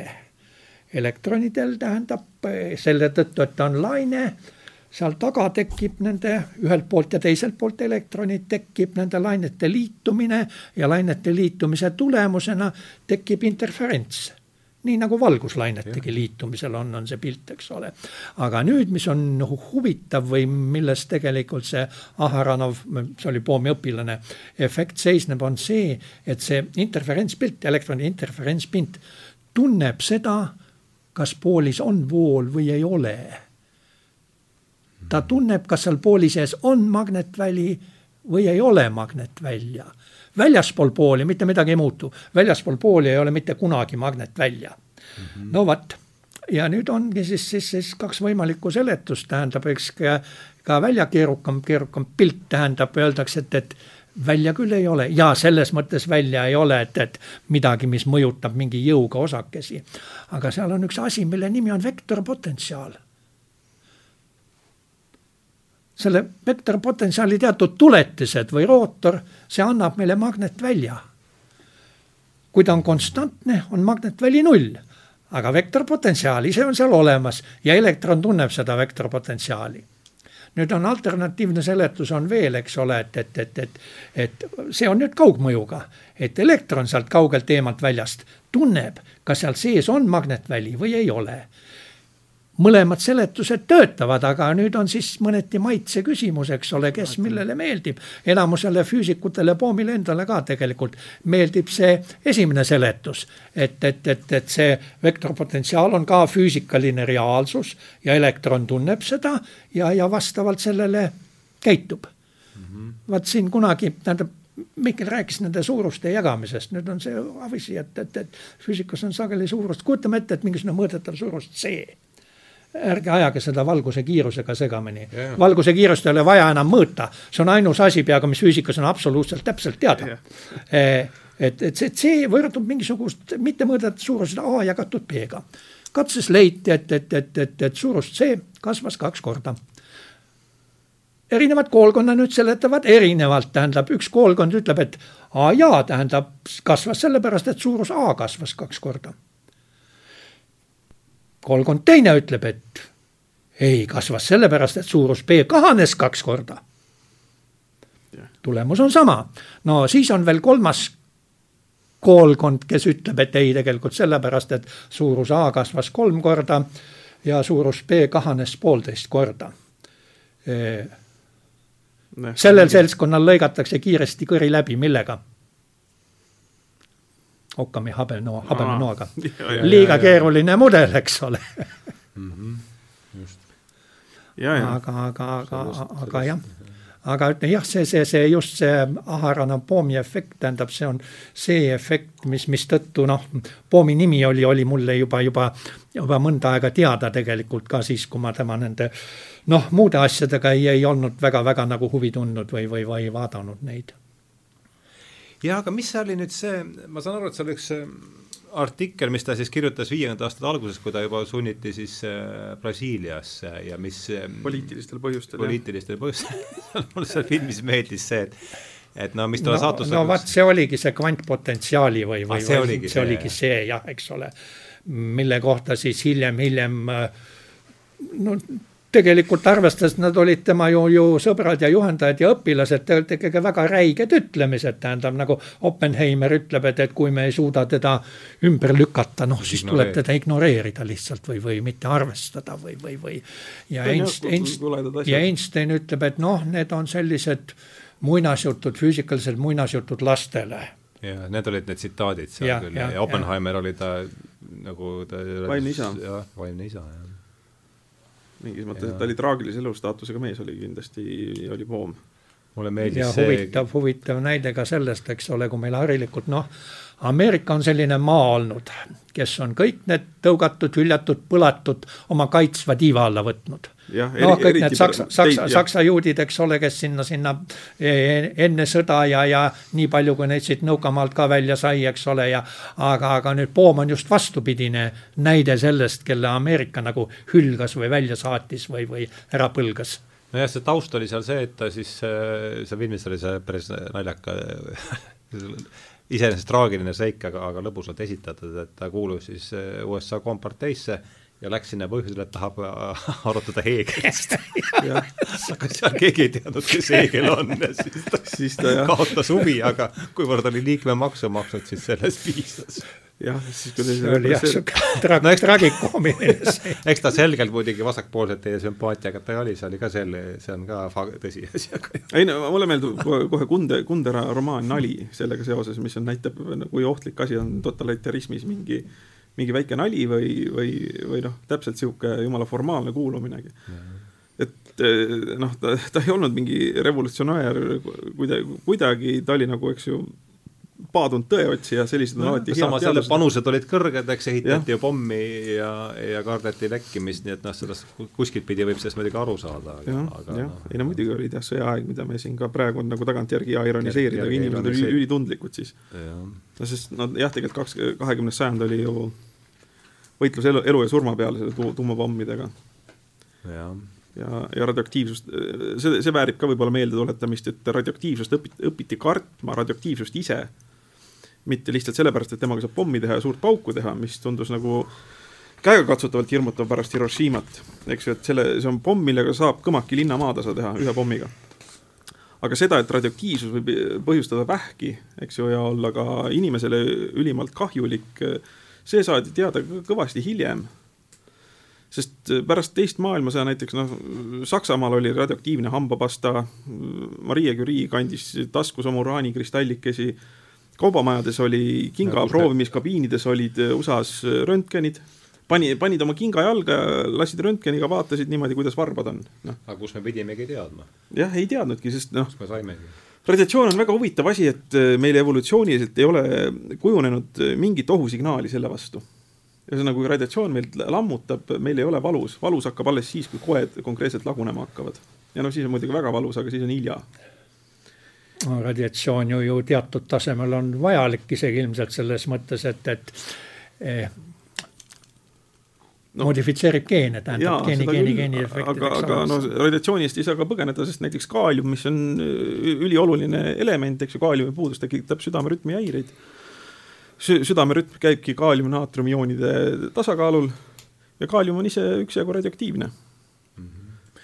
aga räägime, me üle tunni ajaga juba istutud ka, aga kas me sellest, kas me sellele tema selle salajase, mis see oli, salajane varjatud korra ideele, kas me seal saame üldse? Ja, ja teine asi, mis ma noh, veel kord, ma ei, ma ju ei suuda ju selles äh, füüsika term-, noh, füüsika te, tehnilistes äh, no ma ütleks selle sammu pidada, et see kus mul läks selle huvitavaks, oli see, need tema vestlused selle Krishnamurtiga ja kogu see pool, et kas me sellest suudame siin kuidagi midagi, see just see mõte, et mis sealt käis ka tsitaadina mitu korda läbi ja et see, et äh, vaatleja ei ole vaadeldatavast eristatav ja et kas me nende, nende teemadega saaksin võib-olla no see on võib-olla kõige tuntum Niels Bohr ja äh, Kop-, äh, selle Kopenhaageni tõlgenduse, mida vist eesti keeles mm -hmm. Kopenhaageni tõlgendusega ja vot seda nüüd suhteliselt hiljuti, noh hiljuti tähendab siin viimast kahtekümmet aastat, võimalik, et viimast kümmet või viimast viist, näidatud, et äh, see, see ei ole tegelikult väga, väga füüsikaliselt väga, väga relevantne või, või hea. millest jutt käib nüüd? noh, see, et vaatleja osaleb sellises mõttes, nagu pidas silmas Niels Bohr, et vaatlusakt ise tekitab äh, tõenäosus laine kollapseerumise, ühesõnaga, kui me elektroni kinni püüame, see kinnipüüdmine on küll alati tõenäosuslik. Noh, et äh, kui me võtame, tavaliselt on selleks olnud või noh, ajalooliselt oli selleks fotoplaat mm. -hmm fotoplaat, äh, foto tuleb sõnast footon, eks sugulasvalgusega, et kui sinna mingi täpp peale kukub, siis ta tekitab keemilise reaktsiooni. tavaliselt kasutati selleks hõbedasoolasid. noh, näiteks kui hõbe, hõbepromiid saab pihta valgusosakesega, siis ta laguneb hõbedaks ja proomiks mm, -hmm. millel on hoopis teised füüsikalised omadused. ja asi on selles, et nüüd, kui kuskilt elektron näiteks tuleb kuskilt ja ta läheb sellele plaadile, siis sinna plaadile ta tekitab punkti, ta nii-öelda lokaliseerub, aga enne sellele plaadile, enne plaadi pihta põrkamist ja see plaat võiks ollagi vaatlusakt, siis eks ju, on, on tema, on ta siiski ruumiliselt laiali määritud. ühesõnaga plaat ehk detekteerimismehhanism mida saab kasutada metafoorselt äh, vaatlus mm, -hmm, vaatlusvahendina, äh, tekitab noh, tõenäosus, tõenäosus välja kollapseerumise. Aga... saan ma nüüd õigesti aru, et la, äh, see laine siis koondub punktiks, kui ta seda jah, kui ta et põhimõtteliselt no, tähendab, lainefunktsiooni kollaps on minu jaoks selline äh, libe jää, kuhu peale ma väga meeleldi kõndima ei tahaks minna, eks ole, aga noh, jah. ja, ja sest. aga no võib, kui ma niimoodi. võib niimoodi, võib ette kujutada, jah, nii teda kujutatakse. Jah, no tähendab, mis minu arust üks, üks probleem on selles niimoodi, et, et sihuke asi toimib veel ilusti, ilusti pidevas ja, ja kenas klassikalise füüsika maailmas, no lihtne näide on see, et kui ma võtan termomeetri, mis on ka ju mingis mõttes vaatlusvahend mm, -hmm. vaatlusvahend, millega ma vaatan temperatuuri. ja kui ma võtan ühe niisuguse korraliku termomeetri, mille ma panen kaenla alla mm -hmm., noh, niisuguse noh, ta on makrokeha, ilus makrokeha. Kui ma mõõdan sellega vannis temperatuuri, siis pole häda midagi. aga kui ma mõõdan sellega temperatuuri sõrmkübaras, siis asi on selles, et sõrmkübaras on umbes sama palju vedelikku kui te termomeetri vedeliku reservuaaris. ja see tähendab, et kui sellel mõõteseadel oli alguses mingi temperatuur, ütleme, et see termomeeter oli toatemperatuuril kahekümne kraadine ja mul on sõrm kübaratäis vett, mis on näiteks, ma ei tea, seal viiekraadine, siis on arusaadav, et need temperatuurid ühtlustuvad. Ja termomeeter mõjutab sellele sõrmkübaratäie veetemperatuuri sama palju kui. haakub kui... minu arusaamisega. jah et, et minu arust nagu see, et kui me seal nüüd ütleme, et äh, vaat-, vaatlus ise sekkub äh, füüsikalisse protsessi, siis nagu see on nagu kehv metafoorika. see on eksitav juba. okei okay,, see on jah, äh, see, see aitas mind natukene küll edasi jah, et see. jah, ja, ja see, kui me ütleme, et ka, et me vaatleme seal mingit kvantolekut ja kui me ta nii-öelda ära vaatleme, siis ta muutub et siis see on rahulikult seletatav niisuguste täiesti klassikaliste, klassikaliste olekutega, et me tõepoolest alguses on see elektron ruumiliselt laiali määratud ja siis me püüame ta nagu ühte kohta. et, et. tulenevalt sellest, et meie aparatuur on parajasti just selline. jah, jah. aga kvantteooria on tegelikult eh, täiesti deterministlik teooria selles mõttes, et see lainefunktsioon, eh, mis allub Schrödingeri võrrandile, tähendab, eh, evolutsioneerub ajas selle järgi.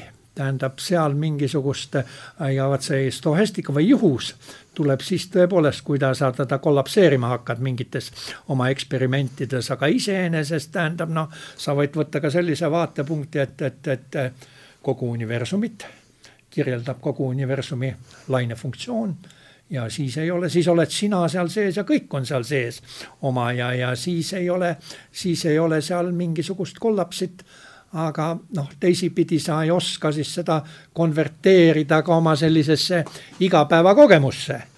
sest, sest, sest mm -hmm. jah, ja mm -hmm. sest äh, sest jah, ma, ma nagu, ma, ma ise, iseenesest, no David Bohm oli üks, kes, üks paljudest, kes jõudis arusaamani, et, et noh, sa ei saa põhja kätte, sa ei saa põhja kätte ja no tõsi on ka see, et me ei saa oma mina ja teadvusega põhja kätte. ja, ja see, aga minu arust see ei anna nagu mingit väga head äh, alust äh, eeldada, et need põhjatused on olemuslikult samad. ma ütleks niimoodi. me ei, noh, me ei saa aru oma teadvusest, me ei saa aru kvantfüüsikast või selle põhjast ja siis eeldame, et need on kuidagi samatüübilised me ei saa eitada. Neid eeldusi on palju tehtud muidugi ja, ja võib-olla Poomgi ise veidikene, ta ju tegeles ka nende aju ja neuroprotsessidega, eks ole, ja, ja, ja, ja noh, võib-olla mõned mehed rohkem kui tema arvas, et, et, et, et, et hiljem, et aju, aju ongi kvantarvuti või et jah, et, et, et, et ise, iseenesest seda see nagu... oli Poomi arusaamine. ei, ei, tähendab seda on, paljud on tulnud selle peale. see tema holograafiline teooria või tähendab, ta arvas, et, et, et, et, et aju pigem need ajuprotsessid, tähendab, on mingis mõttes noh, hologrammi analoogid, eks ole, kus ei ole selgita seda palun natukene. tähendab noh, milles on, on, on hologrammi olemus, on see, eks ole, et, et, et, et, et iga, iga üksik hologrammi osakene või killukene või osakene sisaldab informatsiooni terviku kohta ainult et, et see ei ole, ta ei ole nii kvaliteetne, tähendab nagu terve hologramm, tähendab igas, igas selles mm -hmm. väikeses hologrammi kübemes või, või ruumalas istub terve hologrammi äh, noh, informatsioon või pilt sees, aga väga ebakvaliteetselt, tähendab väga väikese lahutusega ja alles siis, kui sa ta tervikuna või suurelt võtad, noh, siis saad terava ja täiusliku pildi. tähendab ja, ja, ja noh, pommi idee oli ka, et, et, et ajus ei ole mitte see informatsioon mitte konkreetsetes kohtades kusagil seda siis salvestatud, vaid pigem teatud hologrammina, noh, mitte valguse hologrammina muidugi, aga pigem siis mingisuguse noh ele elektronide kvantmehaanilise hologrammina. aga tema arvas ikkagi, et aju on pigem siis äh, mitte raadiovastuvõtja, vaid ikkagi siis nagu videomakk või? no, no võib-olla, võib-olla rohkem sinnapoole, tähendab kin-, kindlasti mitte seda, et, et, et, et äh, jah, ega e, e, e, ega vist sellist raadioanaloogiat ta, ta küll ei, küll ei arenda. ikka pigem, et see, see hologrammi teooria oli see, kuidas tema seda videomakki tähendab, ma ütleks niimoodi, et on, ma ütleks niimoodi natuke üleolevalt, et on, on palju paremaid, praktilisemaid, käegakatsutavamaid meetodeid jõuda arusaamani, et et me ei ole ajud purgis. kui hologrammi teooria kui David Boomi hologrammi teooria. aga selgita nüüd palun raadiokuulajatele ja mulle ka ei tee paha üle kuulda, mis on ajupurgis teooria? no see, et, et kogu minasus ja kogu meie no, vaim on ajus, on noh, see on üsna, üsna levinud mõte siiamaani paljude nii-öelda ajuteadlaste hulgas kusjuures ega see, see hologrammi teooria siin või hologrammi metafoor ei ole siin vale, sest asi poolest, tõepoolest kõik, mis meie teadvusega on seotud, on seotud ka ajuga. aga lihtsalt äh, kui, kui me tuleme siit kuskilt vandlitornist alla või metafüüsilisest mõlgutuse spekulatsioonide sfäärist äh, ja lähme kehalisemaks, siis me näeme, et samamoodi ta on närvisüsteemis, samamoodi ta on immuunsüsteemis, ta on mm. meie kehas tervikuna. keha omakorda on alati arengulooline arengulooline nii ontogeneesi ehk isikliku aga indiviidi... kehast väljapoole, Mihkel, sa seda ikka ei laseks või? No ja ma mõtlen, kui sa lased, kui sa lased Descartes'i, Descartes'i. vastupidi, ma ütlengi, me oleme nagu tsentrum, aga noh, kui me vaatame seda kuidagi nagu noh, bioloogia on siin minu arust väga hea vahelüli, eks ju. meie iga üksik organism on arengulooga. kui, kui me siin sünnime, sünnime nii-öelda väikse väeksuva titena, siis meie aju hakkab arenema, hakkab arenema, eks ju, aga samas see väikse vääksu ajukene, sellel on, sellel on ju tohutu evolutsioonipikkune ajalugu, mis on sügavalt seotud konkreetse keskkonnaga ja nii edasi mm. -hmm. Rupert Sheldrake'i nimi hõljub meie kohal õhus. ja, ja ei no sealt, sealt ma ju selle Baumiga, neil oli Vernon, Mark Vernoniga oli vestlus ja sealt ma selle. nii ma sain aru, jah. sealt ma selle üles noppisin ja Nad omavahel ju vestlesid pikalt, ma sain, või mitte pikalt, aga nad olid jaa, tähendab, Poom on, oma nendes raamatutes Sheldrake'i peale viidanud ka. on jah? jah ja. aga ma tahaks nüüd ikkagi, see vot jällegi, no ei saa aru ja ei jõudnud ka süveneda, siia tulles ma vaatasin selle filmi uuesti läbi, et mik-, Oppenheimer, ja sulle jäi see ka meelde, et Oppenheimer ütles, et, et kui me ei suuda teda ümber lükata, et siis ignoreerime teda, et mis, sa anna palun sellele äh, tsitaadile natuke värvi juurde. noh, mul on seda, mul on seda raske anda, sellepärast mul on seda raske mõista, tähendab.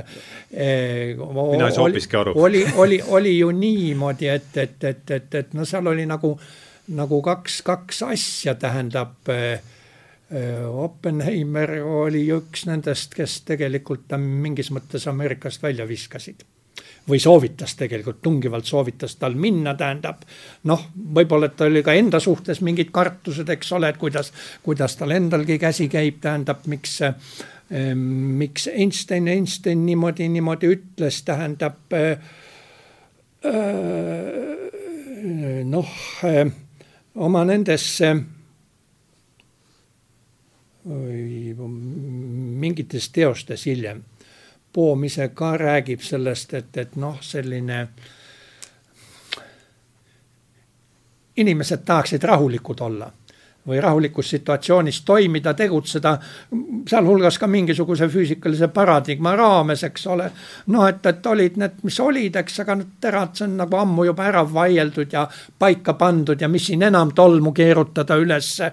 et, et, et, et võib-olla sellises plaanis ja, ma ja, suudaksin, suudaksin neid, neid, neid mõista, jah sest ütleme, kvant-, äh, põhimõtteliselt noh, nii palju ma sain sellest filmist küll aru, et selleks olid, olid kvantmehaanikas juba või kvantfüüsikas oli juba konsensus äh, äh formeerunud, Bohm tuli seda kangutama ja, ja. maksis selle eest äh, siis äh, hinda, see on sisuliselt see, mida sina ka vist ja, ütlesid. või mis, mis, mis no, tunne sulle jäi no, Mihkel sellest? jaa, umbes küll ja noh eks see, mis puudutab teadusrevolutsiooni ja paradigmasid, millest füüsik Toomas Kuhn on, füüsik Toomas Kuhn on kirjutanud, eks ju, oma kuulsa raamatu, mis muide, muuseas on eesti keelde ka tõlgitud. no minu arust, kusjuures Max Planckile viidates, toob ta välja selle väga sügavalt inimliku ja antropoloogilise aspekti seal kus ta üt-, kus Max Planck ohkab ühe, ühes kohas, et uued teadusteooriad ei pääse võidule mitte sellepärast mm, -hmm. et neid eh, tuuakse välja faktid ja matemaatilised veenvused, me räägime füüsikast, eks ju, kus on veenvused ja rangused kõige paremini paigas, vaid lihtsalt sellepärast, et vana paradigma kandjad surevad maha ja uued tulevad peale. Täpselt, jah, jah, jah, jah. selle kohta on veel minu arust Einstein suri ka ju niimoodi, et ta põlgas kvantfüüsikat. Surmani minu üks kolleegi, ühe kolleegi äh, sama, samast nurgast tähelepanek on see, et ülikooli reform on sama hea kui surnuaia kolimine. no, no võib-olla küll jah eks et no sest noh, tõepoolest noh, inim-, inimesed harjuvad mingite paradigmade, nad ei vaheta ära ja noh, siis võib kasutada ka sellist metafoori, et et kui sul on alguses mingid aluspostulaadid, nii-öelda ontoloogia on paigas, siis sa hakkad üles ehitama selle peale mingit teatavat hoonete ehitust ja sa saad päris suure asja kokku, kui sa oled äh, keskiga pluss, eks ju. ja siis ei hakka sa ära vahetama vundamenti, sest sellel on terve maja otsas mm no on mõningaid selliseid inimesi, eks ju, neil on mingid religioossed pöördumised või, või kuidagi niimoodi subjektiivselt, aga reeglina inimesed ei tee niimoodi. kui nad, kui need, kui, kui, kui neil ei jää midagi üle. jah, kui neid mingi suur, suur hingeline kriis ei taba või noh, nagu William James eristas ükskord sündinuid ja kaks kord sündinuid, eks ju. inimesi, et mõne, mõned inimesed siiski, mõned inimesed sünnivad siiski ümber, eks ju, suure vapustuse või mingi eksistentsiaalse šoki. William James'il on veel teinegi äh, oluline eristada, osa inimesi sünnivad nagu neil oleks kaks pudelit šampanjat kaasa antud, aga teistel on aga noh, täna ei ole William James, kuigi see William James äh, ütleme ka William Jamesi ütleme niimoodi, et William James väärib mitut saadet. ja no täpselt samamoodi on ka William Jamesi niisugune vari ilmselt õljub, õljub kaasas üle, üle, üle sarja, eks siin on, nagu ma hakkan nüüd vaatama, et mis on olnud sellised läbivad teemad, noh, Descartes kindlasti, William James, noh, Sheldrake muidugi, sest ma olen temaga nii palju tegelenud siin viimasel aastal, viimastel aastatel.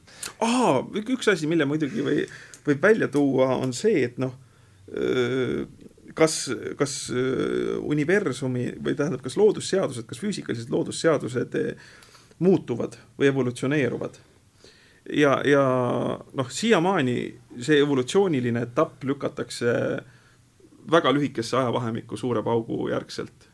ja põhimõtteliselt me siiski askeldame või füüsika askeldab veendumuses, et on mingid kindlad muutumatud loodusseadused, kirjeldagu neid siis kvantfüüsika või relatiivsusteooria, aga noh, neid me, neid me uurime. -hmm. ja see, et me samad seaduspärased, noh, evolutsioonilisuse näiteks aastal tuhat seitsesada või ma ei, olid, olid need füüsikaseadused natuke teised, et see on ikka natuke liiast. ehk noh, see Böösist tulenev äh, evolutsiooniliste mudelite laiendamine nii-öelda üle kogu looduse, see tähendab, et me käsitleme ka füüsikaseadusi kui harjumusi mm, -hmm. mis tuleb siis Charles Sanders Böösist, lihtsalt äh, mõningad objektid on oma käitumist nii palju korranud, näiteks elementaarosakesed ja äh, et, et seal enam mingeid erandeid ei ole, nad on juba nii rutiinsed. Nad on väga jah, väga-väga rutiinsed, aga eks ju elus me võime neid käsitleda seadustena. jah, et, et, et pragmaatilisest seisukohast pole vahet, kas me käsitleme neid seadustena või harjumustena no..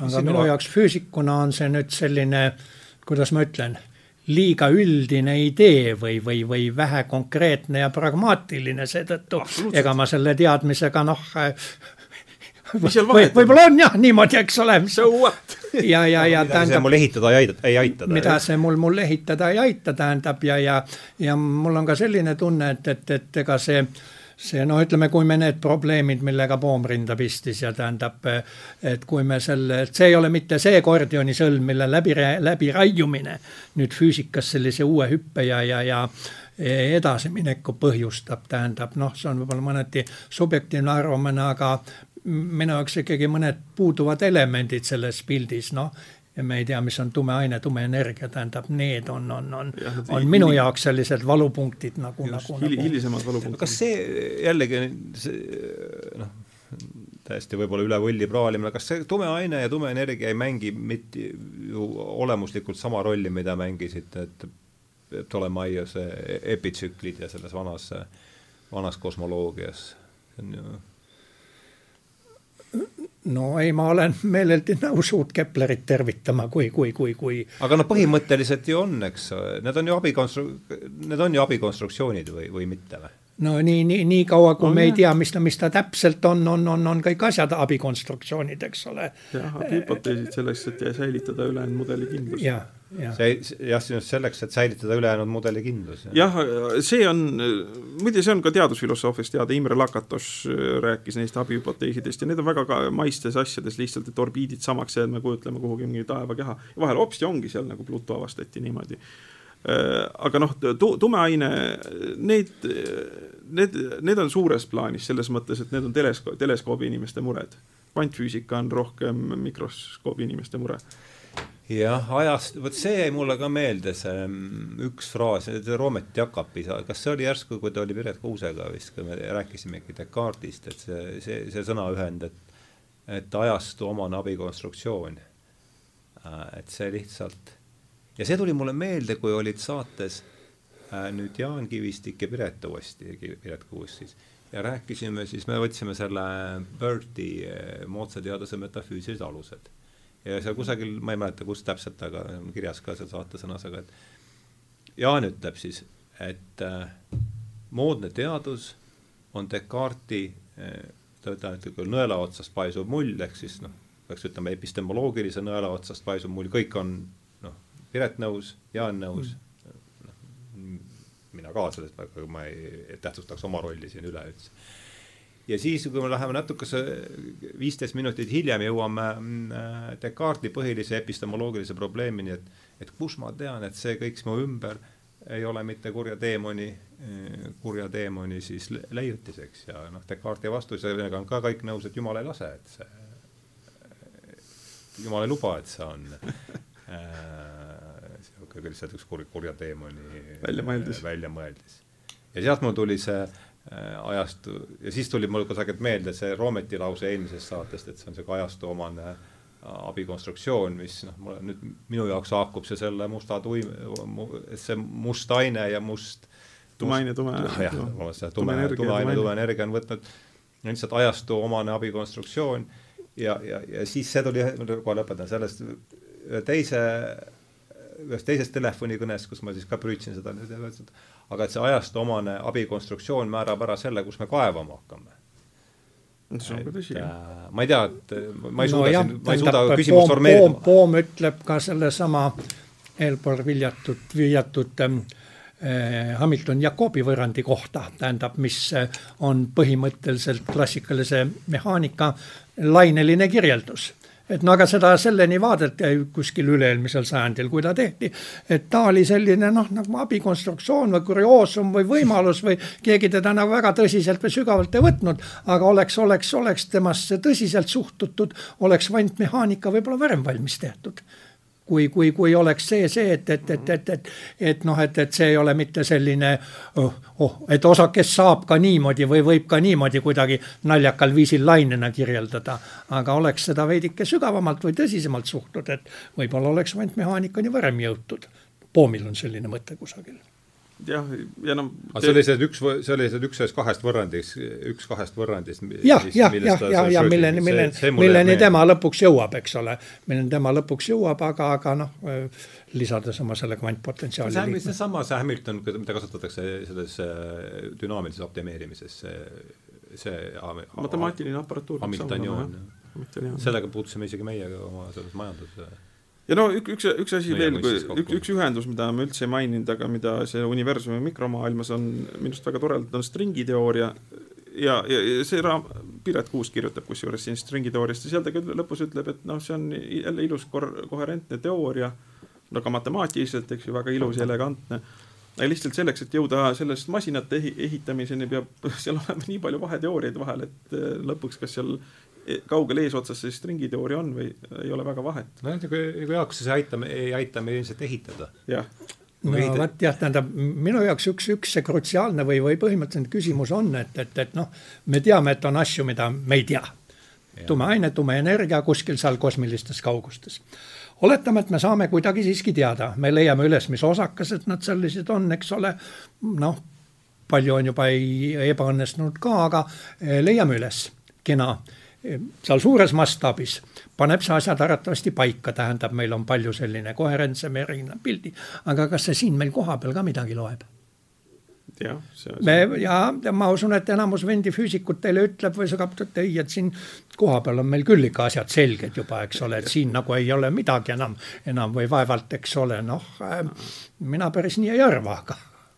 ja, ja, ja oota, vaata, panid tähele, mis Jaak ütles, kui me teada saame, mis osakesed seal on sa eeldad osakesi, jaa, eeldan e, eeldan küll osakesi, eks ole, oma, oma piiratud fantaasia juures, oma piiratud füüsikafantaasia juures ma eeldan, eeldan osakesi, eks ole, tähendab noh, neid on, on senini mõningaid leitud, eks ole.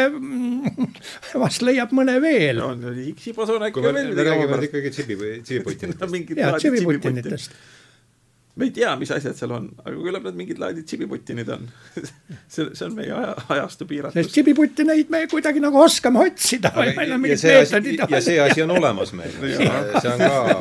katsuge seda eitada, eks ole. katsuge seda eitada, jah. mida, mida sa siin praalid ise, endal on nutitelefon. ja just, ega ei olegi, ja ei olegi praalimine ei ole üheski kontekstis väga kasulik. väga kasulik tegevus, jah.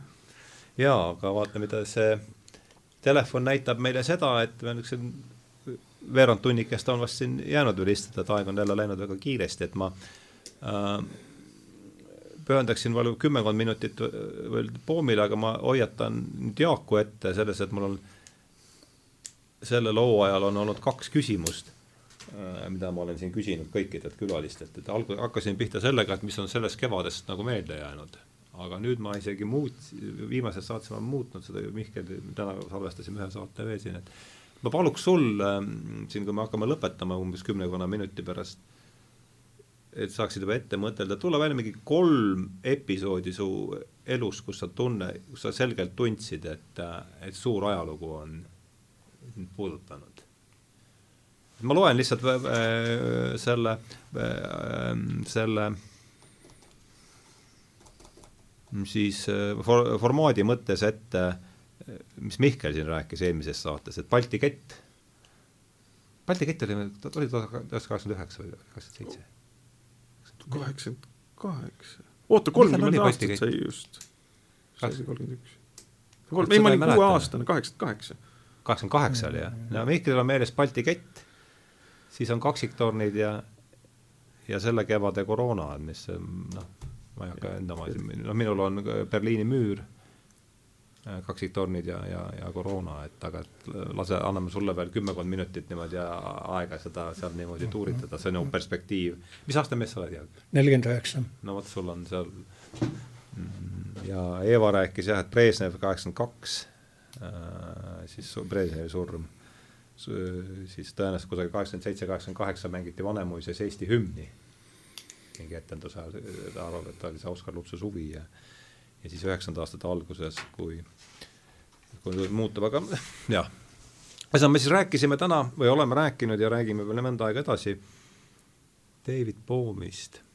aga noh, eks ta sealt läks, et palju, eks ta sealt läks selliste laiemate küsimuste ju peale kohe, et füüsikaline reaalsus. jah, füüsikaline reaalsus, et kui me üritame, et me tahame ikkagi no no minul on küll, tahaks natuke ikkagi rohkem saada aru sellest, et mis seal siis nüüd ikkagi toimub, et mismoodi üldse teha, oli Jaak eelkõige, aga Mihkel ka, mõlemad olete ju pedagoogidena ka töötanud, mis, kuidas seda, oletame, et meil oleks vaja niisugune tunniplaan teha, sellise raadio, raadiosaate jaoks, füüsika tunniplaan, et mismoodi teie teeksite seda?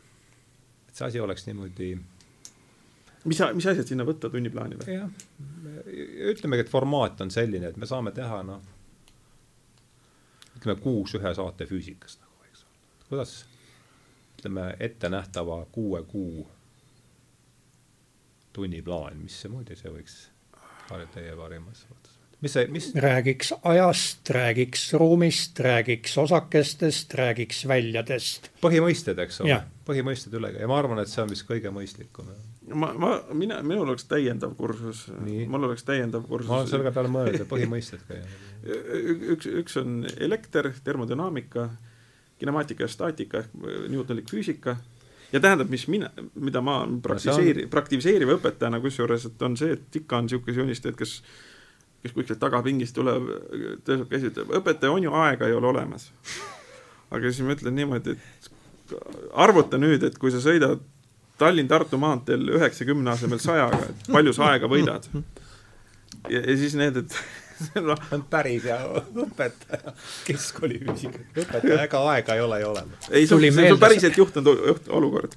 tuli meelde samal teemal üks kartuun valguse kiirusest, kiiremast liikumisest, eks ole, et, et, et, et tee ääres on, keelumärk on püsti, eks ole seal sees on C-täht ja kriips on läbi tõmmatud.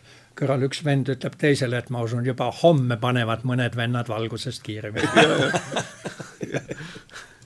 nüüd just teeme. ja selles mõttes näiteks, et päriselt õpetajana ma tegin täiesti tavalisi tasuvusarvutusi selles mõttes, et kui ma vahetan oma hõõglambi, mis on sellise hinnaga välja LED-lambi vastu, mis on sellise hinnaga, kui ruttu see ära tasub ja kas ta tasub ja noh, umbes. no noh, neid arvutusi me ei saa, meil pole tahvlitki siin. jah, aga, aga sedasorti no. koht, et, et see peab olema ikkagi pigem mulle. ja kusjuures ma paneks termodünaamika täiesti selgelt. no need on kaks erinevat lähenemist, minule tundub ka nagu omasem selle saate formaadis minna ikkagi põhimõistet äh.... kusjuures termodünaamikast ma täitsa teeks, sellepärast et va vaata seesama Charles Percy, Percy Snow kaks kultuuri, eks ju Mm -hmm. seal ta ütleb, et äh, inimesed, igaüks häbeneb, kui ta ei tea mitte midagi Hamletist, aga see, et inimene ja, ei suuda for-, aga see, et inimene ei suuda formuleerida termodünaamika teist seadust, see tähendab, et ta ei tea ka fundament, fundamentaalsemaid ja see on nagu väga põhiline, väga keskne.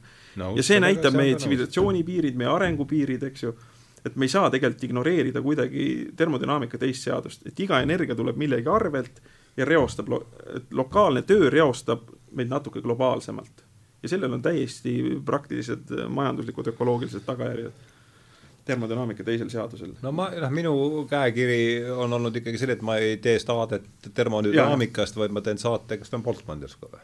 kes? kes, kes on termodünaamika selle, selle termodünaamikas on palju tegelasi. ei, aga noh, see teise Boltzmann pani Boltzmann, jah, mingi, Boltzmann pani mingis mõttes aluse niisuguses statistilise molekulaarfüüsikale. ja lõpetas äh. No seal oli soosmasin, oli Carnot, Sidi Carnot näiteks äh, kusjuures mul hakkab praegu pea üsna tühjaks saama, suhkrusisaldus tundub, et no Einstein ka tegelikult, mis valguse kvantteooriasse puutub ja, ja statistikasse. jah ja.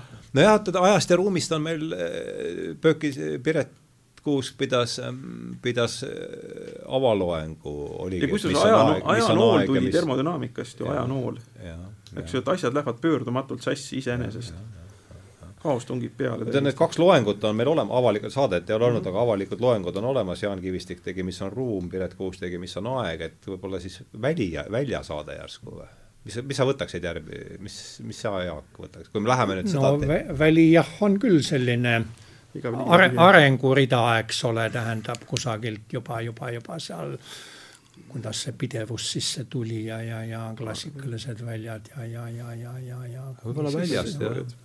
Sest lainetes meil oli, olid Tarmo Soomeres, Erkki Sven Tüür ja Aili Vintag ja noh, see oli niisugune, seal olid ka omad väga vahvad momendid, aga no ütleme seal ei olnud sellist äh, selget füüsikalist äh, noh, ta oligi niisugune igav liiv ja tühi väli, väga Eesti teema ja,. jah, jah, just, jah. et võib-olla siis jah, välja vaatame seda asja. Mina mäletan, seda, see oli see ka, oli see ka mingi Sheldrake'i loeng, kus mulle jäi meelde see, et kui Faraday käest küsiti, et mis on väli, et siis ta ütles, et et ma ei tea et ongi kummaline asi. vaata, kui kummaline isegi magnetitega mängida endal. oled vastandpoolused, väga kummaline jah, see on ikka väga selline kogemus või, või peaaegu ainus, ainus võimalus tunda, et üks asi läbi tühjuse teist mõjutab ja, tegelikult. Oh pagan. ja see jääb meelde tõesti, see jääb meelde. ja kusjuures see mitte just, just mitte see tõmbejõud, vaid see tõukeväli, et sa proovid ma, kokku panna, ei lähe. kusjuures hea, et sa ütlesid mul lapsena täp-, see on täiesti jah, nüüd tuleb meelde, et mis see, mis noh, siis läheb muidugi, tuleb mingi uus probleem. sest kõik, muu, kõik muud väljad või noh, et see, et see, et asjad alla kukuvad, noh, gravitatsiooniväljad on, ei no see on normaalne. noh, asjad püüavad nagu loomulikku, eks ole, selle Aristotelese kelle järgi asukoha poole, eks ole noh, mingisugused seal väiksed elektriefektid, need on ka sellised nõrgad, eks ole mm, -hmm. mingi staatiline elekter, aga magnetid tõesti, see on jõuline, jõuline mõju. jah, eriti kui sa proovid neid vastaseid poolusi kokku suruda, ei lähe, mis ja, seal kurat vahel on nojah, meil on kaamera olemas ka, nüüd saab võtame, võtame mingi suurema magneti kaasa. no proovime, kuigime ei, ei, võt, ei võtnud magneteid kaasa, et, et, et. aga ma ei tea, kuidas see stuudios mõjub, kui siia magnet tuua või? tänapäeval on muidugi nad märksa tundetumad, aga kunagi oli küll väga ohtlik, jah mul on kusagil karbis need tugevad neotüümmagnetid, eks ole, ma nendega üks vahe mängisin ja tassisin neid kaasa igastes taskutes ja korra oli õnnetus, et nad sattusid samasse taskusse, kus mul magnetkaardid olid. kaardid olid siis muidugi kõik läinud ka ega ma muidugi kaartide väljastajatele ei öelnud, mis nendega juhtus, ma läksin väga õnnetu näoga lihtsalt, ei tööta kaart, ei tööta, kõik tundsid aasa, andsid uued kaardid, eks ole. aga näiteks kineskooptelekaga on huvitav, et eks ju see tavaline kineskooptelekas, mis kasutab elektronkiirt, paned tugeva magneti sinna nurka, ta tõmbab sinna pildi ka sinna nurka, et see on täitsa naljakas. ei, see on ikka väga vana inim-, ma ei tea, kas, kuidas üldse? magnetiit on mag-, magneetiline maak, mida leidub mõningates piirkondades maa peal, et sa leiad magnetilisi kivisid ja minu arust Kreeka lähedalt vist esimesena hakati nendega mängima juba. jah no aga kena, aga läheme siis, hakkame siis tõmbama otsi kokku, et oleme. Jaak peab küsimusele vastama. jah, et ja ole hea, Jaak, suure huviga kuulaks, et sul on hoopis teine, mis sa ütle veel, nelikümmend, nelikümmend üheksa, nelikümmend üheksa, jah et need sündmused või, või, või daatumid, jah? just, just, et noh, ma, mina olen selgelt, ma ütlen veel seda, et, et ma ei hakka pikalt, et see kaheksakümmend üheksa, kui ma ist-, olin, sõitsin bussiga Rakvere ja bussiraadios kuulsin seda, et et Berliini müür on äh,, kukub bussi, no midagi sarnast, kus noh, et, et ka on ka mingi isiklik niisugune e,. Apollo mehed kuul. selline füüsikahuvilisele. kuuskümmend, mis ta oli, ei noh, aastat seitse, seitse, kaheksa, üheksa, kuus, kuus, seitse, kaheksa, üheksa, Mhm. papa. ja siis äh, on, on sul meeles ka, kus sa, kus sa sellest kuulsid või, või...? ei, kuidagi, tähendab, me olime, me olime maal ja, ja vaatasime mingit televiisorit, ma ei tea, kas see oli äkki Soome televisioon või, või kes, kes nagu siis, siis näitas neid, neid, neid esimesi kaadreid, kus, kus, kus mm, jah. ja sa olid siis äh, kahekümne mis ma olin, tähendab, ma ei vist, ma arvan, et, et midagi sinnakanti, kui, kui see on, kui see oli kuuskümmend üheksa. ma ei olnud vist, vist ei olnud veel, veel, veel ülikoolis või oli see ülikooli esimestel kursustel. see oli selline rõõmus highlight.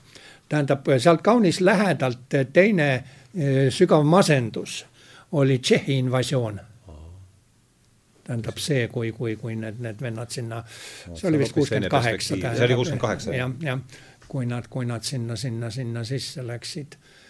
ja, ja, ja, ja, ja, ja, ja kolmas on siis hilisem sündmus võib-olla, mis, mis korreleerub ka siin mingitega. aga noh, Balti ketis ma ka muidugi käisin, aga, aga mina paneks selle noh, putšipäeva või putšipäeva pärast, mida siis, kus me hommikul raadiost kuulsime, eks ole, et, et Mihhail Sergejevitši tervis on äkki halvenenud ja, ja, ja, ja, ja nii ja naa. ja mina veel pidin minema Rootsi konverentsile, minema üle Moskvasse, valvelt lennati üle Moskva, et kas sõita õhtul Moskvasse, mitte, no ma ikka sõitsin. ja siis olin järgmisel päeval, päeval Moskvas, kõndisin seal ringi ja, ja, ja tegelikult siis nendest Eesti sündmustest kuulsin juba Rootsis, kui ma olin, olin sinna, sinna jõudnud. nii et noh, need sellised kolm sündmust võib-olla. mille kauaks, kaua sa olid Rootsis tollal?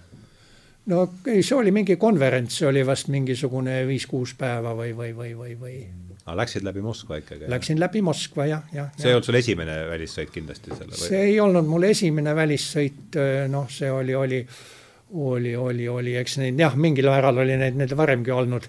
no eks ikka kõik läbi Moskva enne seda millal sina käisid esimest korda kapitalistlikus riigis? Esimest korda kapitalistlikus riigis, ma arvan, see oli kaheksakümmend kaks, oli, oli, oli Lääne-Saksas oli üks, üks, üks konverents Bayreuthes seda korraldati, aga ka ta oli, toimus mingisugune Wasserschloss Mitwitz, tähendab. selles Wagneri Bayreuthis? ja Wagneri Bayreuthis, nemad korraldasid, eks ole, ja pärast ma olen seal palju käinud, ülikoolis, Bayreuthi ülikoolis. aga, aga, aga siis oli kusagil sellises Wasserschloss Mitwitz ja ma olin seal, seal koos ühe Moskva poisiga olime, eks ole, mõistlik poiss, tähendab, tema on Ameerikas juba ammu praegu tegelikult. aga siis oli seal üks, üks ekskursioon, tu see to Bundesgrenz, to the most terrible part of Iron Curtains ah. nägi, nägid ära. ja te, teiselt poolt ka tähendab, kuna ma olen, olen kaks aastat pärast ülikooli ma olnud, olnud Ida-Saksamaal okupatsioonivägedes. Ja ma tahtsin ka küsida, kus sa Kroonus olid, sa olid Saksamaal jah? ma olin Saksamaal jah, tähendab noh, aga ohvitserina siis juba. kus kohas? Leipzigist mitte kaugel, tähendab Leipzig-Dresden liini peal mõnikümmend kilomeetrit üks Viljandi suurune linnakene Wurtsen. ja mis vägedes? me olime, see oli, see oli jalaväepataljon, aga me olime nagu, nagu side, side peal või, või noh, pataljoni sidesalk või, või, või noh, midagi taolist. no vot siis, alustasime David Boomist ja jõudsime mis see linna nimi oligi? Wurtsenis. Wurtseni sidepataljoni. jõudsime Wurtseni sidepataljoni, aga oli väga huvitav teiega lobiseda, et et noh, eks ta ju, kui ei ole selles asjas sees, siis on raske sammu pidada, aga midagi ma siit igal juhul kaasa sain, et ikkagi see, et jah, see jäi meelde, et Poom lõikas Schrödingeri siis kaheks kaheks võrrandiks, mis on äh, Newtoni selles raamistik, Newtoni raamistikuga kooskõlas, aga tegi seda selle hinnaga, et pani siis selle kvantpoten-. kvantpotentsiaali, kvantpotentsiaali pani. millest ma ei saa aru, aga, aga see on normaalne. no ega, ega keegi väga ei saa aru siin on väga palju neid. aga vähemalt sellest ma sain, sellest ma sain siis veel kord selle teksti ma taasesistasin nii, nagu, mis haakub sinu arusaamisega. kuule, aga kuulge, aga mõlemad siis, et aitäh teilt tulemast, Jaak Igas äh,, Mihkel Kunnus äh,, eetris oli siis, ei oskagi öelda, mitmes, üheksakümmend millegagi, tähenduse teejuhtide vestlusring äh, saate. Põhiteemaks oli siis David Bohm, Ameerikas sündinud füüsik, aga sealt läks jutt edasi iga, igale poole. igale poole, kaasa arvatud. ja ma lõpetan Paul Diraki tsitaadiga, ma ei saa ise ka kvantmehaanikast tuhkagi aru. Paul Dirac oli kuulus kvantfüüsik, novaatorlik. mul tuleb meelde teine Feynman, Richard Feynmani tsitaat, et kvantfüüsika näitab elu sellisena, nagu ta on või maailma sellisena, nagu on, et absurdsena. ja ma tsiteerisin varem Lee Smallinit, kes ütles, et, et ta ei usu, et see on lõplik tõde, mida me praegu teame kvantmehaanikast see on nendest kolmest tsitaadist vast veel kõige jätab asja avati. jätab asja lahti, et äh, aitäh kuulamast ja teile aitäh tulemast ja head äh, meil Elu. hakkab siin õhtu jõudma, et meil on teie seda kuulata, seda ei oska keegi öelda, aga et head õhtut!